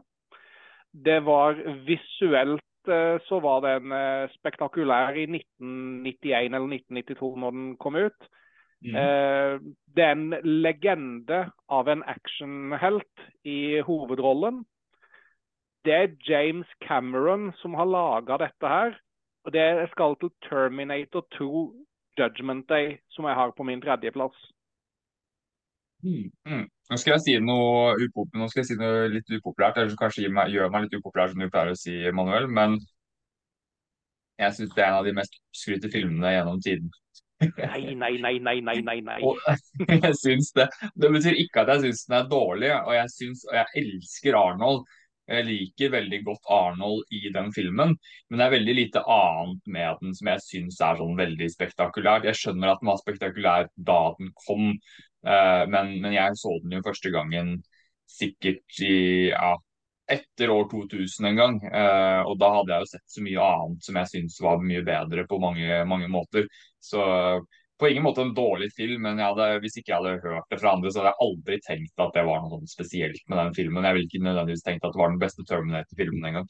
Uh, fordi jeg, jeg, jeg, klarer ikke helt å se at den skiller seg sånn fryktelig mye ut fra resten av den franchisen. Jeg syns det er veldig likt hele veien, skal jeg være helt ærlig. Men uh, jeg hadde sikkert tenkt annerledes hvis, det, hvis jeg var på din alder og så den på kino i, i det året den kom ut. Det hadde jeg helt sikkert. Jeg da, da skjønner jeg at den da, da, da skilte den seg sikkert veldig ut. Det, det, kan jeg se.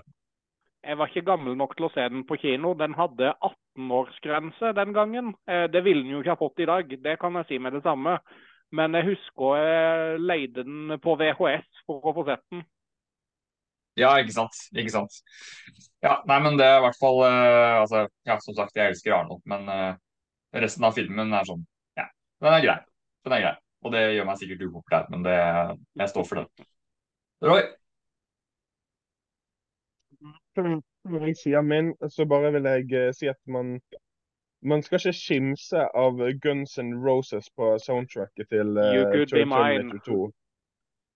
Det, det er bra, bra sa sangvalg til en bra scene. Mm. Yes. Um, skal vi se. Uh, min nummer tre uh, vi, er, vi, er, vi, er, fortsatt i TV-serier. Dette var en uh, eh, HBO Max-serie. Eller Ja, de, de het vel fortsatt HBO Max, da. Um, som jeg syns var veldig bra lagd. Altså story, storymessig så, så var det for, for, meg et under at, at det her gikk an. For du hopper veldig mye fram i tid, og så må du huske hva som hadde skjedd da med den karakteren, men det var noe annet for, for denne karakteren. da.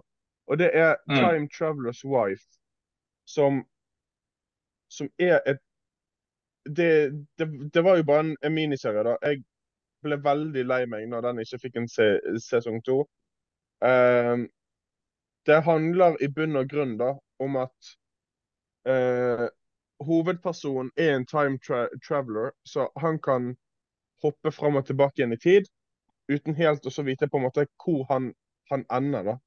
Ehm, og hun har møtt han siden hun var på en måte sånn 10-11 år. Uh, men når hun blir gammel og på en måte møter han for første gang, da, så vet ikke han hvem hun er, men hun vet omtrent alt om han. Så det, det var liksom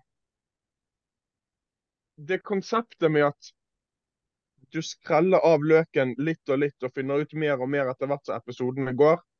Eh, veldig bra skuespill. Eh, damen i serien blir jo spilt av hun fra Game of Thrones. Hun rød, rødtoppen som, som enten var sammen eller er sammen med Kit Harrington. Ja, ja, jeg vet hvem du mener det. Hmm. Jeg, right. jeg syns, eh, jeg syns eh, at det året der så syns jeg at det var det beste jeg så på HBO Max. Såpass, ja. nei, jeg har hørt om den flere ganger, men jeg har ikke testa den ut. Det har jeg ikke. Men uh, du sa den ble kansellert eh, etter hvor lenge, sa du? Den, den gikk i én se sesong, og så fikk han ikke en toer. Ok, Men har den på en måte en litt sånn fullstendig historie i den sesongen, så det er verdt å se uten, uten å se noe mer, eller?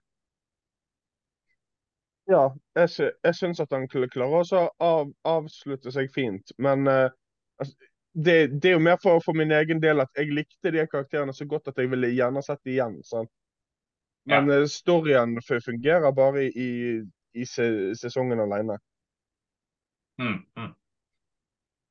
Ok, da er vi oppe på, helt oppe på andreplass for meg, og slet litt nå. Sånn jeg tenker liksom mer og mer over de jeg ikke har klart å få inn på lista engang. Så det spørs om ikke jeg må eh, ta og lage en, et, eh, et nytt utkast av en liste her en annen gang i fremtiden. Men akkurat nå så skal jeg stå for det, jeg mener her nå, selv om det fort kan være jeg omstemmer meg.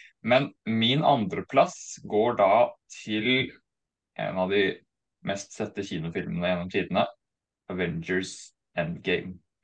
Og det var jo mange som var skeptisk til at de skulle bruke time travel der, men jeg føler jo det er jo ikke mange steder hvor det er mer naturlig enn et uh, univers som eh, MCU, eh, hvor alt basically går an.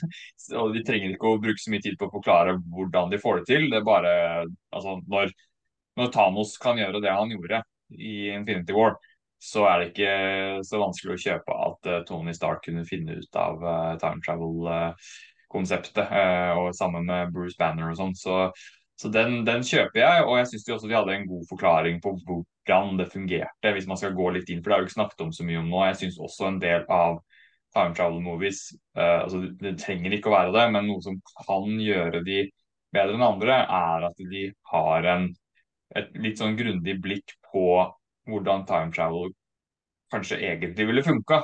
Og at sånn som de også gjør narr i Endgame, da, men ha-ha, back to the future, liksom. Det er ikke sånn det egentlig funker.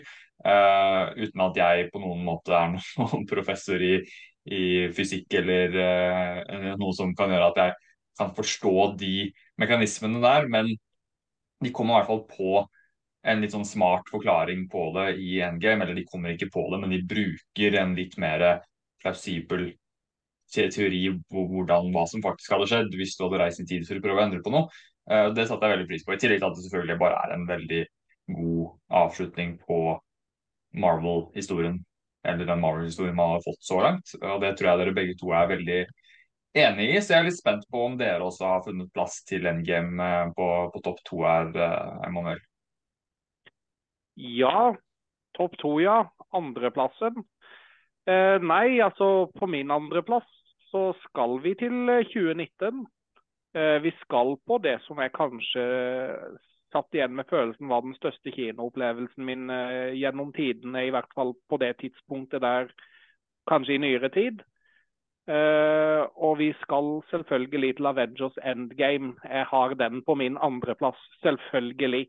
Den filmen yes. der har masse for seg. Hvis man bare tar time travel-elementet Det de gjør, er jo en ganske klar og tydelig hommage til Back to the Future 2. Når de mm. reiser tilbake igjen til de tidligere filmene. Og mm og blander seg inn der. Eh, men det i seg selv er jo ikke nok til at eh, jeg har den på andreplass. Det er jo fordi at det er en av de beste superheltfilmene noen gang laga, rett og slett. Hm. Der er vi enige. Den er ikke oppskrytt på samme måte som uh, Terminator 2. OK, Roy. Er det time travel i Paradise?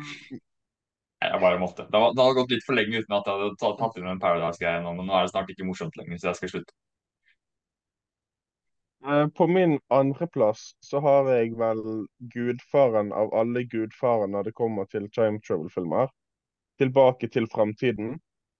Uh, filmen som introduserte meg for det her kon konseptet. Uh, og som jeg bare syns er så gjennomført, bra lagd. Uh, greit, jeg, jeg, så henne i såpass ung alder at det at han ender i sengen til, til den yngre sin egen mor altså, jeg, jeg, skjønte ikke hvorfor det var pro problematisk, da.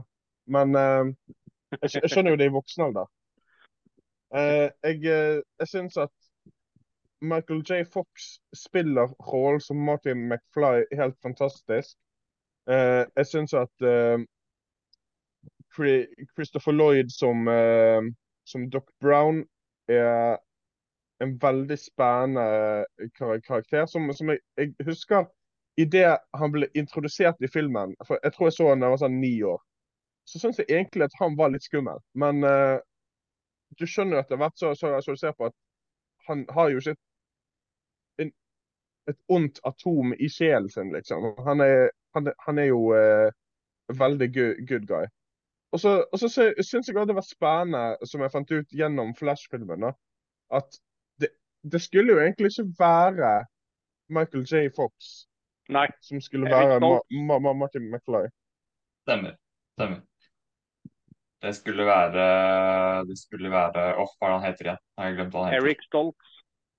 Ja, stemmer. Og de hadde allerede kommet i gang med innspillingen uh, før det gikk litt tid. og De skjønte at det her bare funka ikke. Og så gjorde de en eh, dramatisk endring og måtte vel spille inn en del eh, av filmen på nytt etter det også. Men det er vi glad for, fordi det fungerte utrolig bra. Og jeg har jo dessverre ikke fått plass til noen av Back to Future-filmene på lista mi, og det gjør veldig vondt.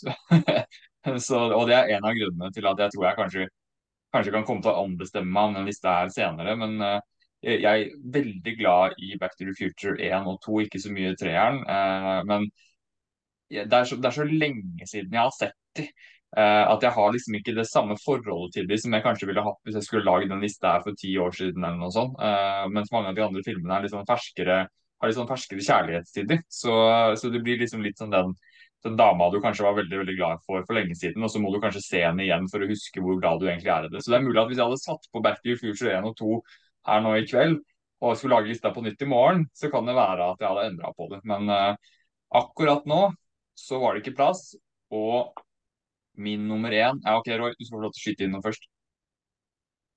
Jeg vil, jeg vil også bare eh, si fra hvis, hvis, folk som hører på, ikke har sett det, så er det en YouTuber som heter Golden Tusk, eh, som før i tiden, sånn, når jeg gikk på ungdomsskolen, så så tok han kjente filmteams og lagde på en måte tekst til, til dem.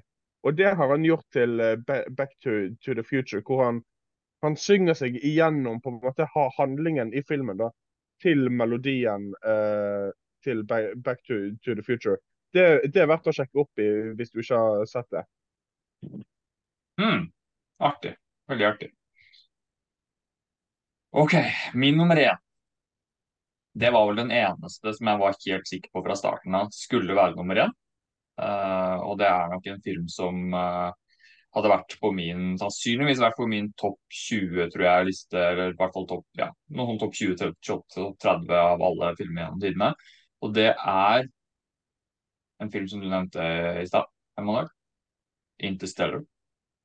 Ja. Den er jeg, og dere vet hvor glad jeg er i mange av filmene til, til Nolan, og der syns jeg Nolan er på sitt aller, aller beste. Hvor han bruker alle styrkene sine, hvor han leker med tid. Han eh, leker med kryssklipping, vanvittig musikk av Hans Zimmer, kjempebra performancer og en uforutsigbar film som har mange lag ved seg. Og en film som liksom, på, i utgangspunktet tenker at hvor, liksom, hvordan i all verden kan du lage den filmen der når du nekter å bruke CGI? Og Det er vel kanskje en av de få filmene til Nolan hvor han var tvunget til å bruke en eller annen form for CGI, men det var jo ekstremt lite. altså Selv i den her vanvittige scenen hvor Matthew McConaughey raser gjennom disse dimensjonene og ender opp med å faktisk reise i tid, og du ser, ser liksom den her bokhylla som har alle disse fargene og sånn, så er det, så vidt jeg husker da fra behind the scenes, så er det ikke noe av det som er CGI. Det er sånne rare ting som de klarer å konstruere på sett, og de leker med lys og bakgrunner og alt mulig. da, og det at den filmen der er lagd, sikkert ved, ved, unntak av de her bølgene, tror jeg, da, som, eh, som, de møter på denne planeten, så er det omtrent ikke noe av den filmen som er CGI, og det er jo ganske forbløffende i seg selv. Eh, men, men, det viktigste er jo at det er en fantastisk godt fortalt film med utrolig mye eh, spenning og veldig, kanskje den mest emosjonelle da, av alle Nolan-filmene. og han hadde jo blitt beskyldt mange ganger før den filmen at han var liksom ganske sånn kald. Og det var veldig lite følelser i filmene hans. Ikke at jeg nødvendigvis var enig i det, men jeg følte at den filmen var et veldig godt eksempel på at, at han hadde veldig god evne til å være, være veldig følsom uh, og veldig hjertevarm som regissør også. Det føltes litt som en blanding av det beste av Nolan med det beste fra Spielberg. da. Uh, og, det, og, det, er jo litt fascinerende da, at det var en film som først skulle være en Stanley Kubrick-film, så skulle det være en Spielberg-film, og så endte det opp med å bli en Nolan-film. Og det hadde sikkert vært en veldig annen film hvis det var en Kubrick-film eller en Spielberg-film. Eh, men jeg, jeg, føler at Nolan var kanskje den perfekte regissøren for å ta det. Eh, og Jeg skal ikke gjøre dette mer til en analyse av Instiller, men jeg tror at hvis Kubrick hadde lagd den, og nå snakker jeg egentlig bare fra min egen smak, da, men hvis Kubrick hadde lagd den, så tror jeg kanskje den hadde blitt litt for kynisk og litt for kald, og sikkert veldig god, men lent seg kanskje litt for mye inn i de eh, litt mer sånn sprø sci-fi-ideene uten å ha så mye annet. Og hvis Spielberg hadde lagd den, så hadde det kanskje lent seg litt for mye inn i det sånn Spielberg-aktige hjertevarme som han ofte har i en del av filmene sine. Mens Nolan tror jeg var den perfekte regissøren til å lage en film som hadde alle de dimensjonene eh, med seg. Eh, så jeg tror ingen regissører kunne gjort den filmen bedre enn det han gjorde det. Og det står fortsatt igjen som kanskje min favoritt-sci-fi-film noensinne, hvis man ikke regner noen av Star Wars-filmene som science fiction-filmer. Så tror jeg både denne og Inception er helt, helt på toppen for meg. All right. Da fikk jeg det ut av verden. Emanuel? Ja. Nei, altså på min eh, førsteplass Eh, så tror jeg ikke det hersker noen, eh, noen tvil her eh, om hvilken film som er der. Time Machine fra 2002? Det kunne ha vært. Jeg syns den er Nei, Den er ikke på topp fem, men den er god, den òg. Vi snakka om Eric Stoltz i stad. Back to the Future, som jeg har på førsteplass. En kanskje litt mindre kjent ting var det at Ralf Macchio var òg på audition for å spille Marty McFly. Han eh, fikk beskjed om å kutte ut den der New Jersey-dialekta. Eh, han fikk ikke det til. Han sa det at ironien var det at de ville gå på en all American-greie. Eh, så ironien var at de kasta en canadier til å spille Marty McFly. Men uh, uansett, Back to the Future, all time favoritt. For noen år siden så, så jeg den på utendørskino i Kristiansand det finnes ikke noe større for meg enn den filmen der. Eh, så Back to the Future på min førsteplass, uten tvil. Jeg tror aldri jeg har vært så sikker noensinne på hva du kom til å velge på din førsteplass på en liste. Jeg hadde falt av stolen her, tror jeg, hvis du hadde valgt noe annet nok. Da hadde jeg trodd at jeg hadde havna inn i en eller annen parallell eh, dimensjon eh, skapt av eh, forstyrrende tidsreisefolk.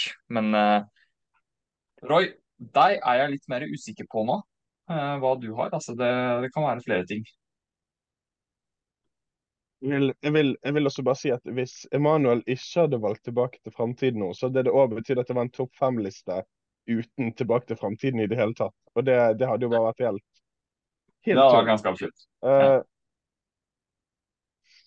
Nei, uh, jeg, altså, jeg, jeg, tenker at det er ikke en bombe for, for meg eh, hva som er på førsteplassen. Uh, dere har begge allerede hatt den på andreplassen. Det er Avengers End, Endgame. Uh, ja. Og det her handler nok mer om meg i, i den grad av at Iron Man 1 kom på kino mens jeg gikk i åttende klasse. Uh, det var den eneste franchisen som meg og broren min på en måte alltid skulle på premieren og se alle de elleve årene et etterpå. Uh, så når du fikk den avslutningsfilmen over alle avslutningsfilmer til, til en epoke, da, uh, så, så, var ikke jeg den eneste mannen i, i kinosalen med, med en tåre i, i, i øyekroken. Uh, og jeg, jeg, følte på en måte at som fan så var jeg blitt sett og hørt, og at dette her var en belønning som som jeg tror jeg aldri kommer til å få oppleve igjen. Ja, det, det, det tror jeg fort du har, du har, rett i. fordi Hvis man har vært så investert i filmer, og så er det jo ingen det er jo ingen franchise noensinne, og sannsynligvis kanskje aldri noe som kommer igjen, som klarer å bygge opp et sånt momentum over ti år som det der gjorde. Det skal utrolig godt gjøres. Eh, og jeg tenker at markedet sånn som det har utviklet seg de siste årene, jobber litt sånn imot det òg, fordi det er så mye konkurranse og så mye det er sånn oversaturert, som man kan kalle det. At eh, det å få generert så mye oppmerksomhet mot en franchise med såpass mange filmer, eh, hvor det da kommer et par-tre filmer i året, det er ekstremt vanskelig, og det er fullt mulig å gjenskape det, men jeg tror det skal veldig mye til å å gjøre det så gjennomført og så bra som, som, det de klarte å gjøre over tid. Selv om ikke jeg syns alle Marvel-filmene er kjempebra, så, så, så, har de jo lykkes med nesten alt de gjorde frem til Avengers Endgame. Uh, og, og, hver gang de gjorde noe som ikke funka 100 så var det neste en kompensasjon og var så bra at man glemte at den forrige ikke var superbra.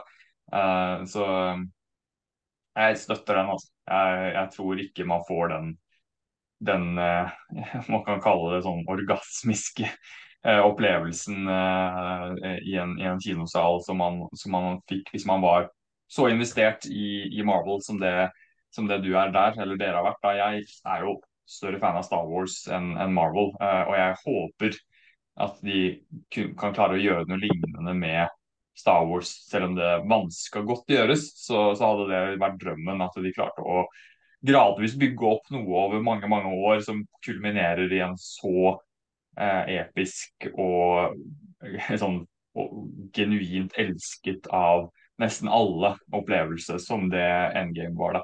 Så det kan jeg bare krysse fingrene for og drømme om. Det er veldig urealistisk, men uh, man vet jo aldri. OK, det var da topp fem for denne gangen. Og vi skal jo da kåre en vinner etter at vi har tatt en kjapp liten pause. Greit, da skal vi jo gjøre kåringa her.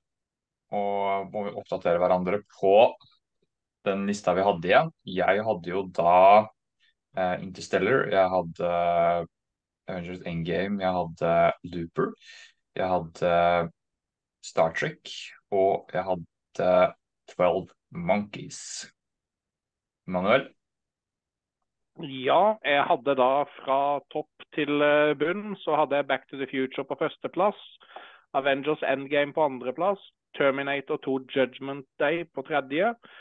Og på fjerdeplass Interstellar og Tenet på femteplass. Mm. Roy? Ja. På femte så hadde jeg Hot Tub Time Machine. Fjerde League of Legends. Tredjeplass The Time Travelers Wife. Andreplass Tilbake til framtiden. Og førsteplass Avengers Endgame. Ok. Da begynner jeg å si hvem av deres liste jeg likte best. Og det ble egentlig veldig veldig lett for meg, fordi jeg har ikke sett mer enn to episoder av League of Legends, og jeg har ikke sett Time Travels Wife, så da må jeg velge Emanuel, som også fikk mange plusspoeng for at han hadde to Christopher Nolan-filmer på lista si. Tusen takk. Ja. Skal Ja. Eh, dere gjorde det veldig vanskelig for meg, egentlig, begge to. Eh, det, det, det, må jeg bare si. Eh, Swall 12 Monkeys var en liten finte der, fordi at den synes jeg er på grensa til et, til et lite mesterverk i seg selv. Jeg synes den er kjempebra.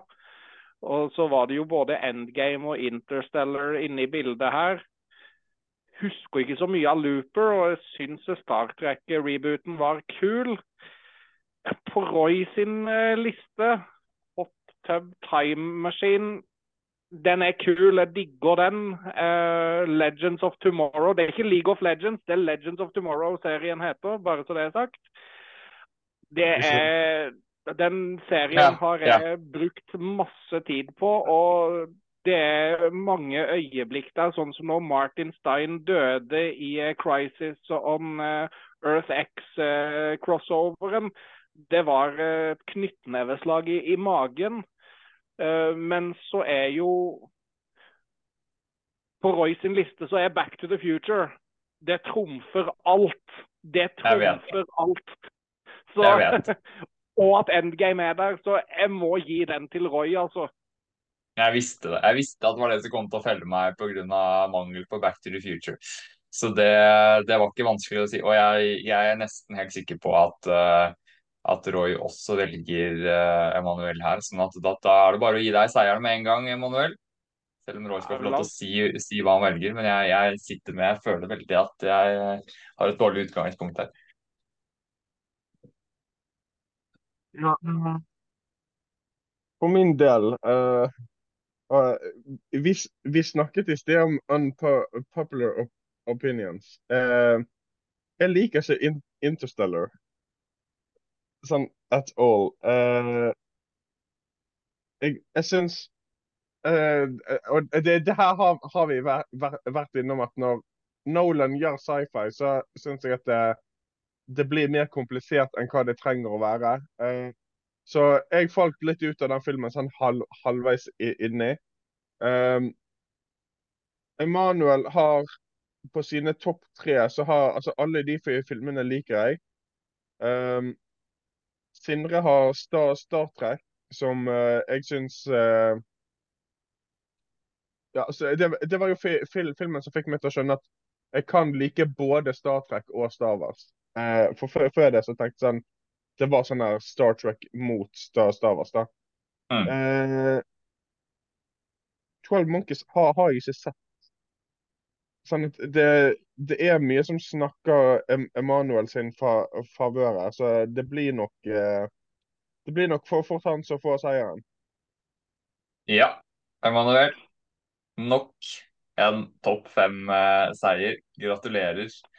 Lukta jeg, lukta jeg lang vei. og i dag er dagen hvor jeg har Jeg visste det egentlig fra før da jeg gjorde det, men jeg har fått gjenbekreftet at Roy verken liker Interstellar eller Dark Night Rises.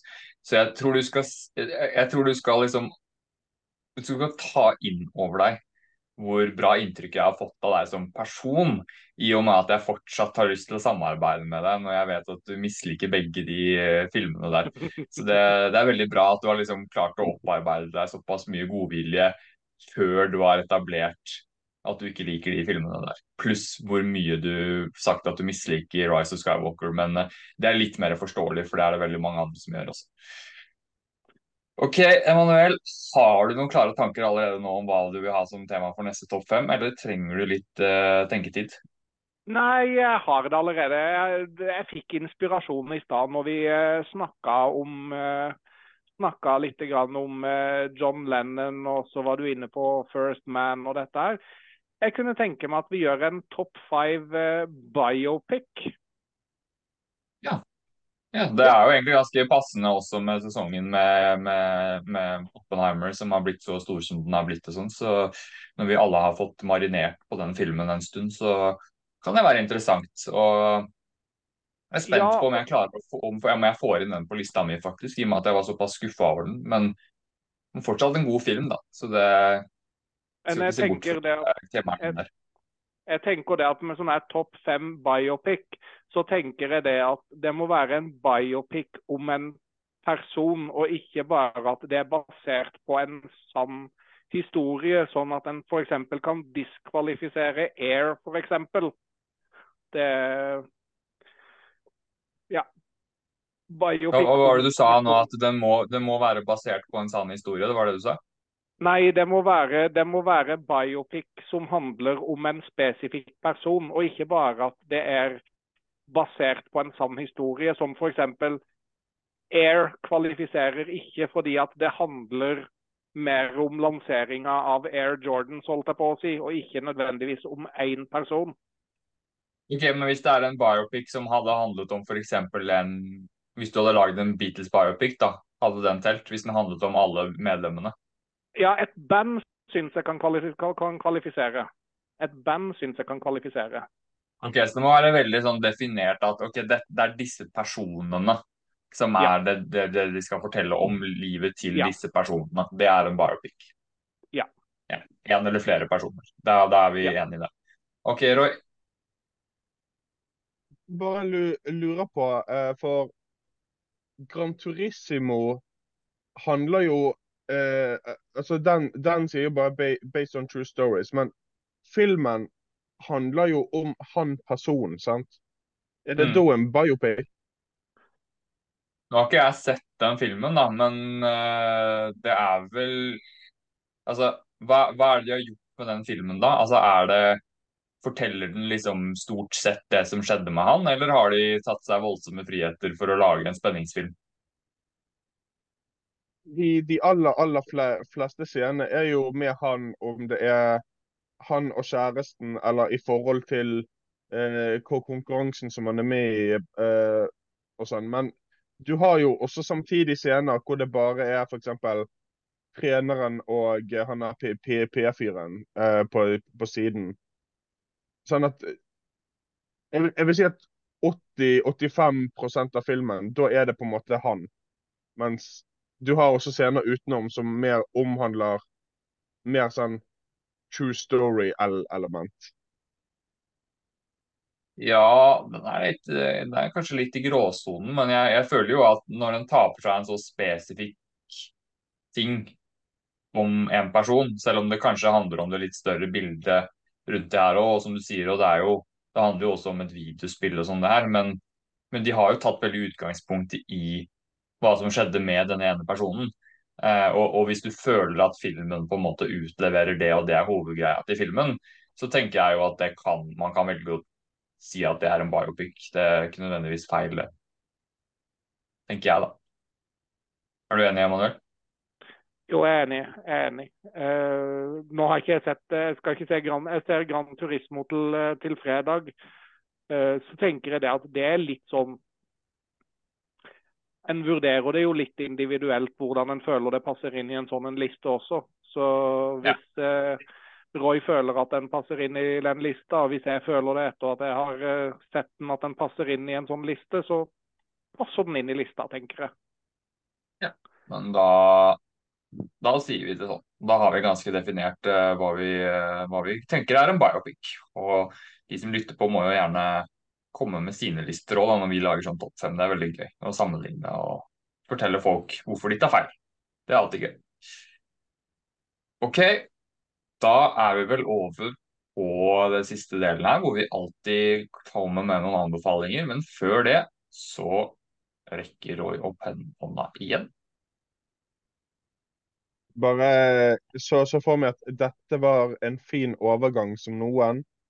Uh, og si til lytteren at jeg har nå sett det tredje minuttet i Outlet. Å ja, selvfølgelig. Det er fast. Jeg må jo huske det nå. Det gjør vi hver gang. Så det er bra du husker det tredje minuttet av Outlander, hvor en av patrionene våre skal ikke si hvem det er, fordi det er nesten litt flaut. Men vi har en Patrion som støtter oss på det øverste nivået. Og det betyr da at den personen kan velge en uh, TV-serie og en franchise uh, vi dekker fast. Og det ble da valgt Outlander. Uh, så Roy har da bestemt seg for at han skal hver uke se ett minutt av Outlander. Så det tredje minuttet av den første episoden av Outlander Roy, hva er det som skjer da? Som, eh, som dere kjære lyttere gjerne husker, på denne reisen så avsluttet jeg med at hun holdt på å fikse en soldat, og så kom en lege og sa at han tok over. Eh, Idet legen tar over, så går da denne damen sørgmodig ut av slottet hvor hun har holdt på å fikse på soldaten hvor det, det, kommer en dame febrilsk løpende, eh, holder på henne og rister litt på henne idet hun skriker 'Krigen er over'. Og så ser vi da soldater som løper fram og hopper opp og ned i slow motion. Og damen får da, altså hun hovedpersondamen får da servert eh, en champagneflaske og tar en heftig slurk av den flasken. Det er det som skjer i det det som, som, er så spennende med det her minuttet, da, er jo at eh, når hun kommer ut og du ser soldatene hoppe opp og ned, uh, og alle er glad, så det blir en veldig stor kontrast på hvordan hun er, og hvordan alle rundt henne er for at uh, krigen er over. Og Det blir spennende å se kanskje hvorfor hun føler det sånn hun føler det. Jeg tror det ligger mye bagasje bak det blikket som, som hun gir i dette minuttet det blir veldig spennende etter hvert å få med seg hva som skjer i det fjerde minuttet av episode én av Outlander. Og Jeg håper som sagt at vi klarer å holde det her gående så lenge at Roy til slutt har dekket hele den første sesongen av Outlander, som sannsynligvis vil ta 20 år eller noe i den duren der. Men uh, det får vi se etter hvert. Vi får uh, ha som mål å komme oss gjennom den første episoden uh, første omgang. Det vil vel ta et års tid, sannsynligvis. Emanuel, det er jo gøy, det her. Ja visst er det gøy. Høre Roy dekke minus for minus til Outlander. Det er priceless. Det er helt fantastisk. Og Det finnes jo sikkert de som kunne klart å skrive en helt sånn her lang avhandling ut ifra hvert minutt der, da, når man tenker på sånn alt man ser, eh, alt man får med seg av historiske detaljer og eh, karakterting og uttrykk og musikk og alt mulig. da, så Bare basert på det Roy sier nå, så tenker jeg at man kunne jo, man kunne jo gått inn liksom, i mange serier og, og filmer og lagd sånn dybdeanalyse av hver ene, hvert eneste minutt. da. Kanskje det er noe jeg skal gjøre med Star Wars en gang. Det er sikkert mange som har gjort det allerede. Tatt sånn minutt frame for frame, nesten. Uh, shot for shot i, uh, i Star Wars. Men uh, veldig underholdende, Roy. Jeg lurer på om ikke det kan bli en sånn egen greie på, på YouTube-kanalen. At du tar for deg ting du har lyst til å ta for deg, og så tar du bare sånn dette minuttet av Paradise sesong fem, episode tre. Hun går ut av dusjen og over til soverommet. Veldig, ja, Kanskje ikke like mye å analysere i, i Paradise, da, men uh, kan fortsatt være veldig underholdende. Men da skal vi jo over til uh, det som kanskje er en av Emanuels sine store styrker. Det er å komme med ukas anbefalinger. Så vi lar deg komme til slutt, ved Emanuel, siden du ofte ja. har uh, det mest eksotiske, uh, uten at jeg skal legge altfor mye press på deg. Så Roy, du pleier å ha et eller annet ganske kult òg. jeg lurer på om jeg skal begynne, jeg. fordi Nei, vent, da. Begynn du, Roy. Begynn du. Så kan jeg Eh, så kan jeg ha muligheten til å ombestemme meg, for jeg har flere ideer. Så, så kjør på først, i tilfelle vi har det samme. Streaming-messig så har jeg to serier som holder på nå. Som jeg bare vil uh, få alles oppmerksomhet at faktisk holder på. For uh, de tok meg litt by surprise. Og det er på HBO Max så har nå Harley Quinn sin fjerde sesong begynt å gå. Uh, jeg tror det er seks episoder inni nå. Uh, og den, den, den, holder den sinnssyke gøye standarden som de tre første se, se, sesongene hadde. Eh, veldig verdt å se. Det er veldig gøy nå, for nå har jo Poison Ivy på en måte blitt sjef blant de onde, mens Harley Quinn har gått litt mer på heltesiden. Sånn at da blir det automatisk en konflikt der så, som er litt gøy å følge med på. Utenom det så har også Winning Time sesong to begynt. Den er nå tre episoder inn, inni. Uh, og hvis du likte første sesongen av uh, Winning Time, så tror jeg du kommer til å trives med, med hvordan de, de, fortsetter. Og jeg, jeg syns kanskje det er mer spennende nå enn i se, se, se, sesong én. For nå kunne du på en måte hoppe rett videre. I, i sesong én var det mye oppbygging. Uh, du måtte bli kjent med karakterene hva betydde denne treneren, og hva betydde denne ba ba basketballspilleren. Sant? Nå går det rett videre på e-, egentlig ego, eh, er, det, er det vil si eh, mye av sesong to til, til nå har, har, gått i hvor folk har litt lyst å bli stjerner, da, for nå har de tross alt vunnet det, det mesterskapet i, i, i første se, se, sesongen. Vel, veldig gøy. Og på Disney Pluss så har du en, en serie som er ferdig, eh, men som jeg bare må, må, nevne. For det var den perfekte avslutningen på den perfekte serien. Og da snakker jeg så klart om High School Musical, The Musical, The Series sin fjerde se, se, se, sesong. Um, det var opptil flere ganger i løpet av sesongen der hvor, uh, hvor jeg, kjente oppriktig på, på det em emosjonelle. Og selv om Olivia Rodrigo, som ble breakout star av de tre første sesongene, ikke med i denne, så holder serien seg veldig bra. Uh, og jeg syns at uh, det var en verdig av avslutning på et ganske gøy mu musikalshow. Ja.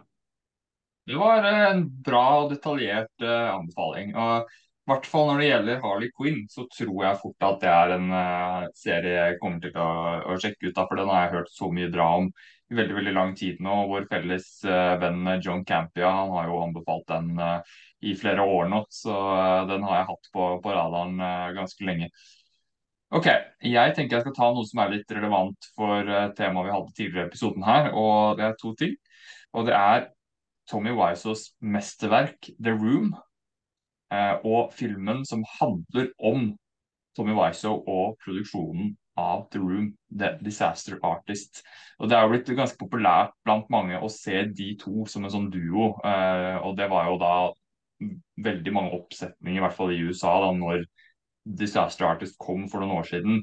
Så sendte man sånne dobbeltvisninger på kino med The Room og så The, Disaster, Disaster, The Disaster Artist eh, etterpå. da. Så det, det, anbefales på det sterkeste hvis man ikke har innblikk helt i den storyen der. Eh, du hadde, fikk inntrykk av at du kanskje ikke hadde det helt, eh, Emanuel? Nei, jeg har, jeg har, hørt, jeg har hørt om det, men jeg har bare ikke aldri fått sjekka det ut.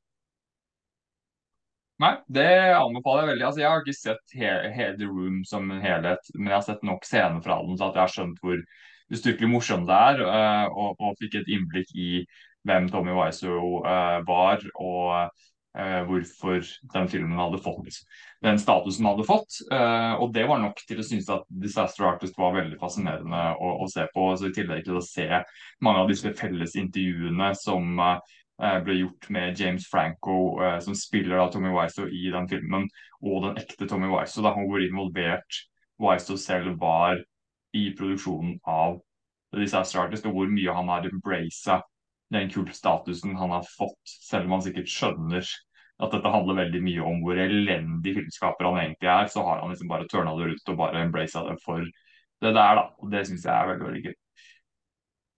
OK, Manuel. No pressure. No pressure, men det er du som er sjefen, kongen av anbefalinger stadig, så Ja. Jeg vil eh, snu litt på det, gjøre det litt uh, uortodoks i dag og komme med en uh, avbefaling i tillegg til en anbefaling. Eller en frarådning i tillegg til en anbefaling. Å oh, ja. Ja. Netflix eh, kan ha kaster av og til ut sånn der rett på Netflix blockbuster-aktige filmer. Og vi tok og sjekka ut den nye actionfilmen til Gal Gadot som ligger der nå, som heter 'Heart of Stone'.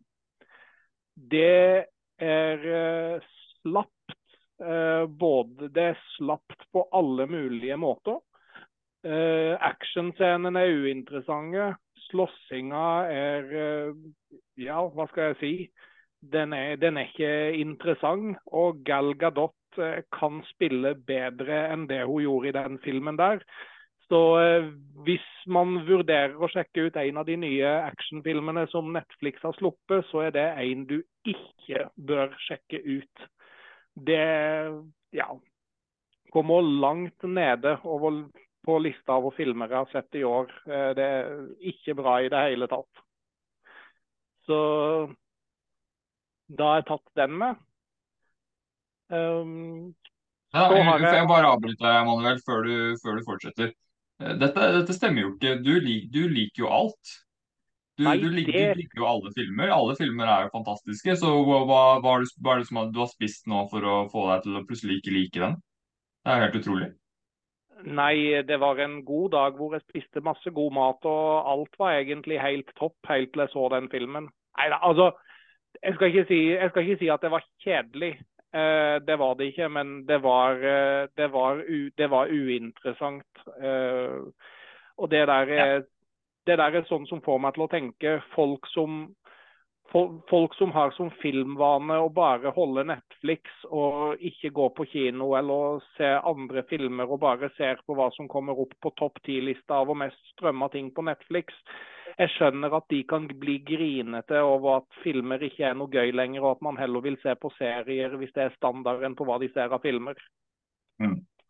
I hvert fall med den der Heart of Stone. altså det, det, der, For meg så er det en representasjon egentlig av, av det verste av eh, streamingfilmer. Men det finnes lyspunkt i, eh, i dette her med, med streamingfilmer. Og den nye trenden i år har jo vist seg å være filmer basert på sanne historier rundt diverse forretningskonsepter. Nå har vi jo hatt Air tidligere i år på kino, som har vært knall. Så så jeg jo på Disney Pluss for en stund siden den der som jeg fortalte om den andre gangen, den med Flaming Hot uh, Cheetos, eller hva det nå heter. Vi får mm. på kino neste måned den derre Dumb Money som, om, uh, som, handler om GameStop-kjeden og hvordan den ble Wall Street-notert. I tillegg til at vi får en sånn Blackberry-film. På Apple sin strømmetjeneste så ligger det er en film som jeg syntes var veldig ålreit, som heter Beanie Babies, eller Beanie Baby. Som handler om de der Nei, Beanie Bubble heter den. Som handler om Beanie Babies. Eh, hvordan de der, Hvis du kjenner, kjenner dere til de der Beanie Babies, kosedyrene som var store en gang på 90-tallet.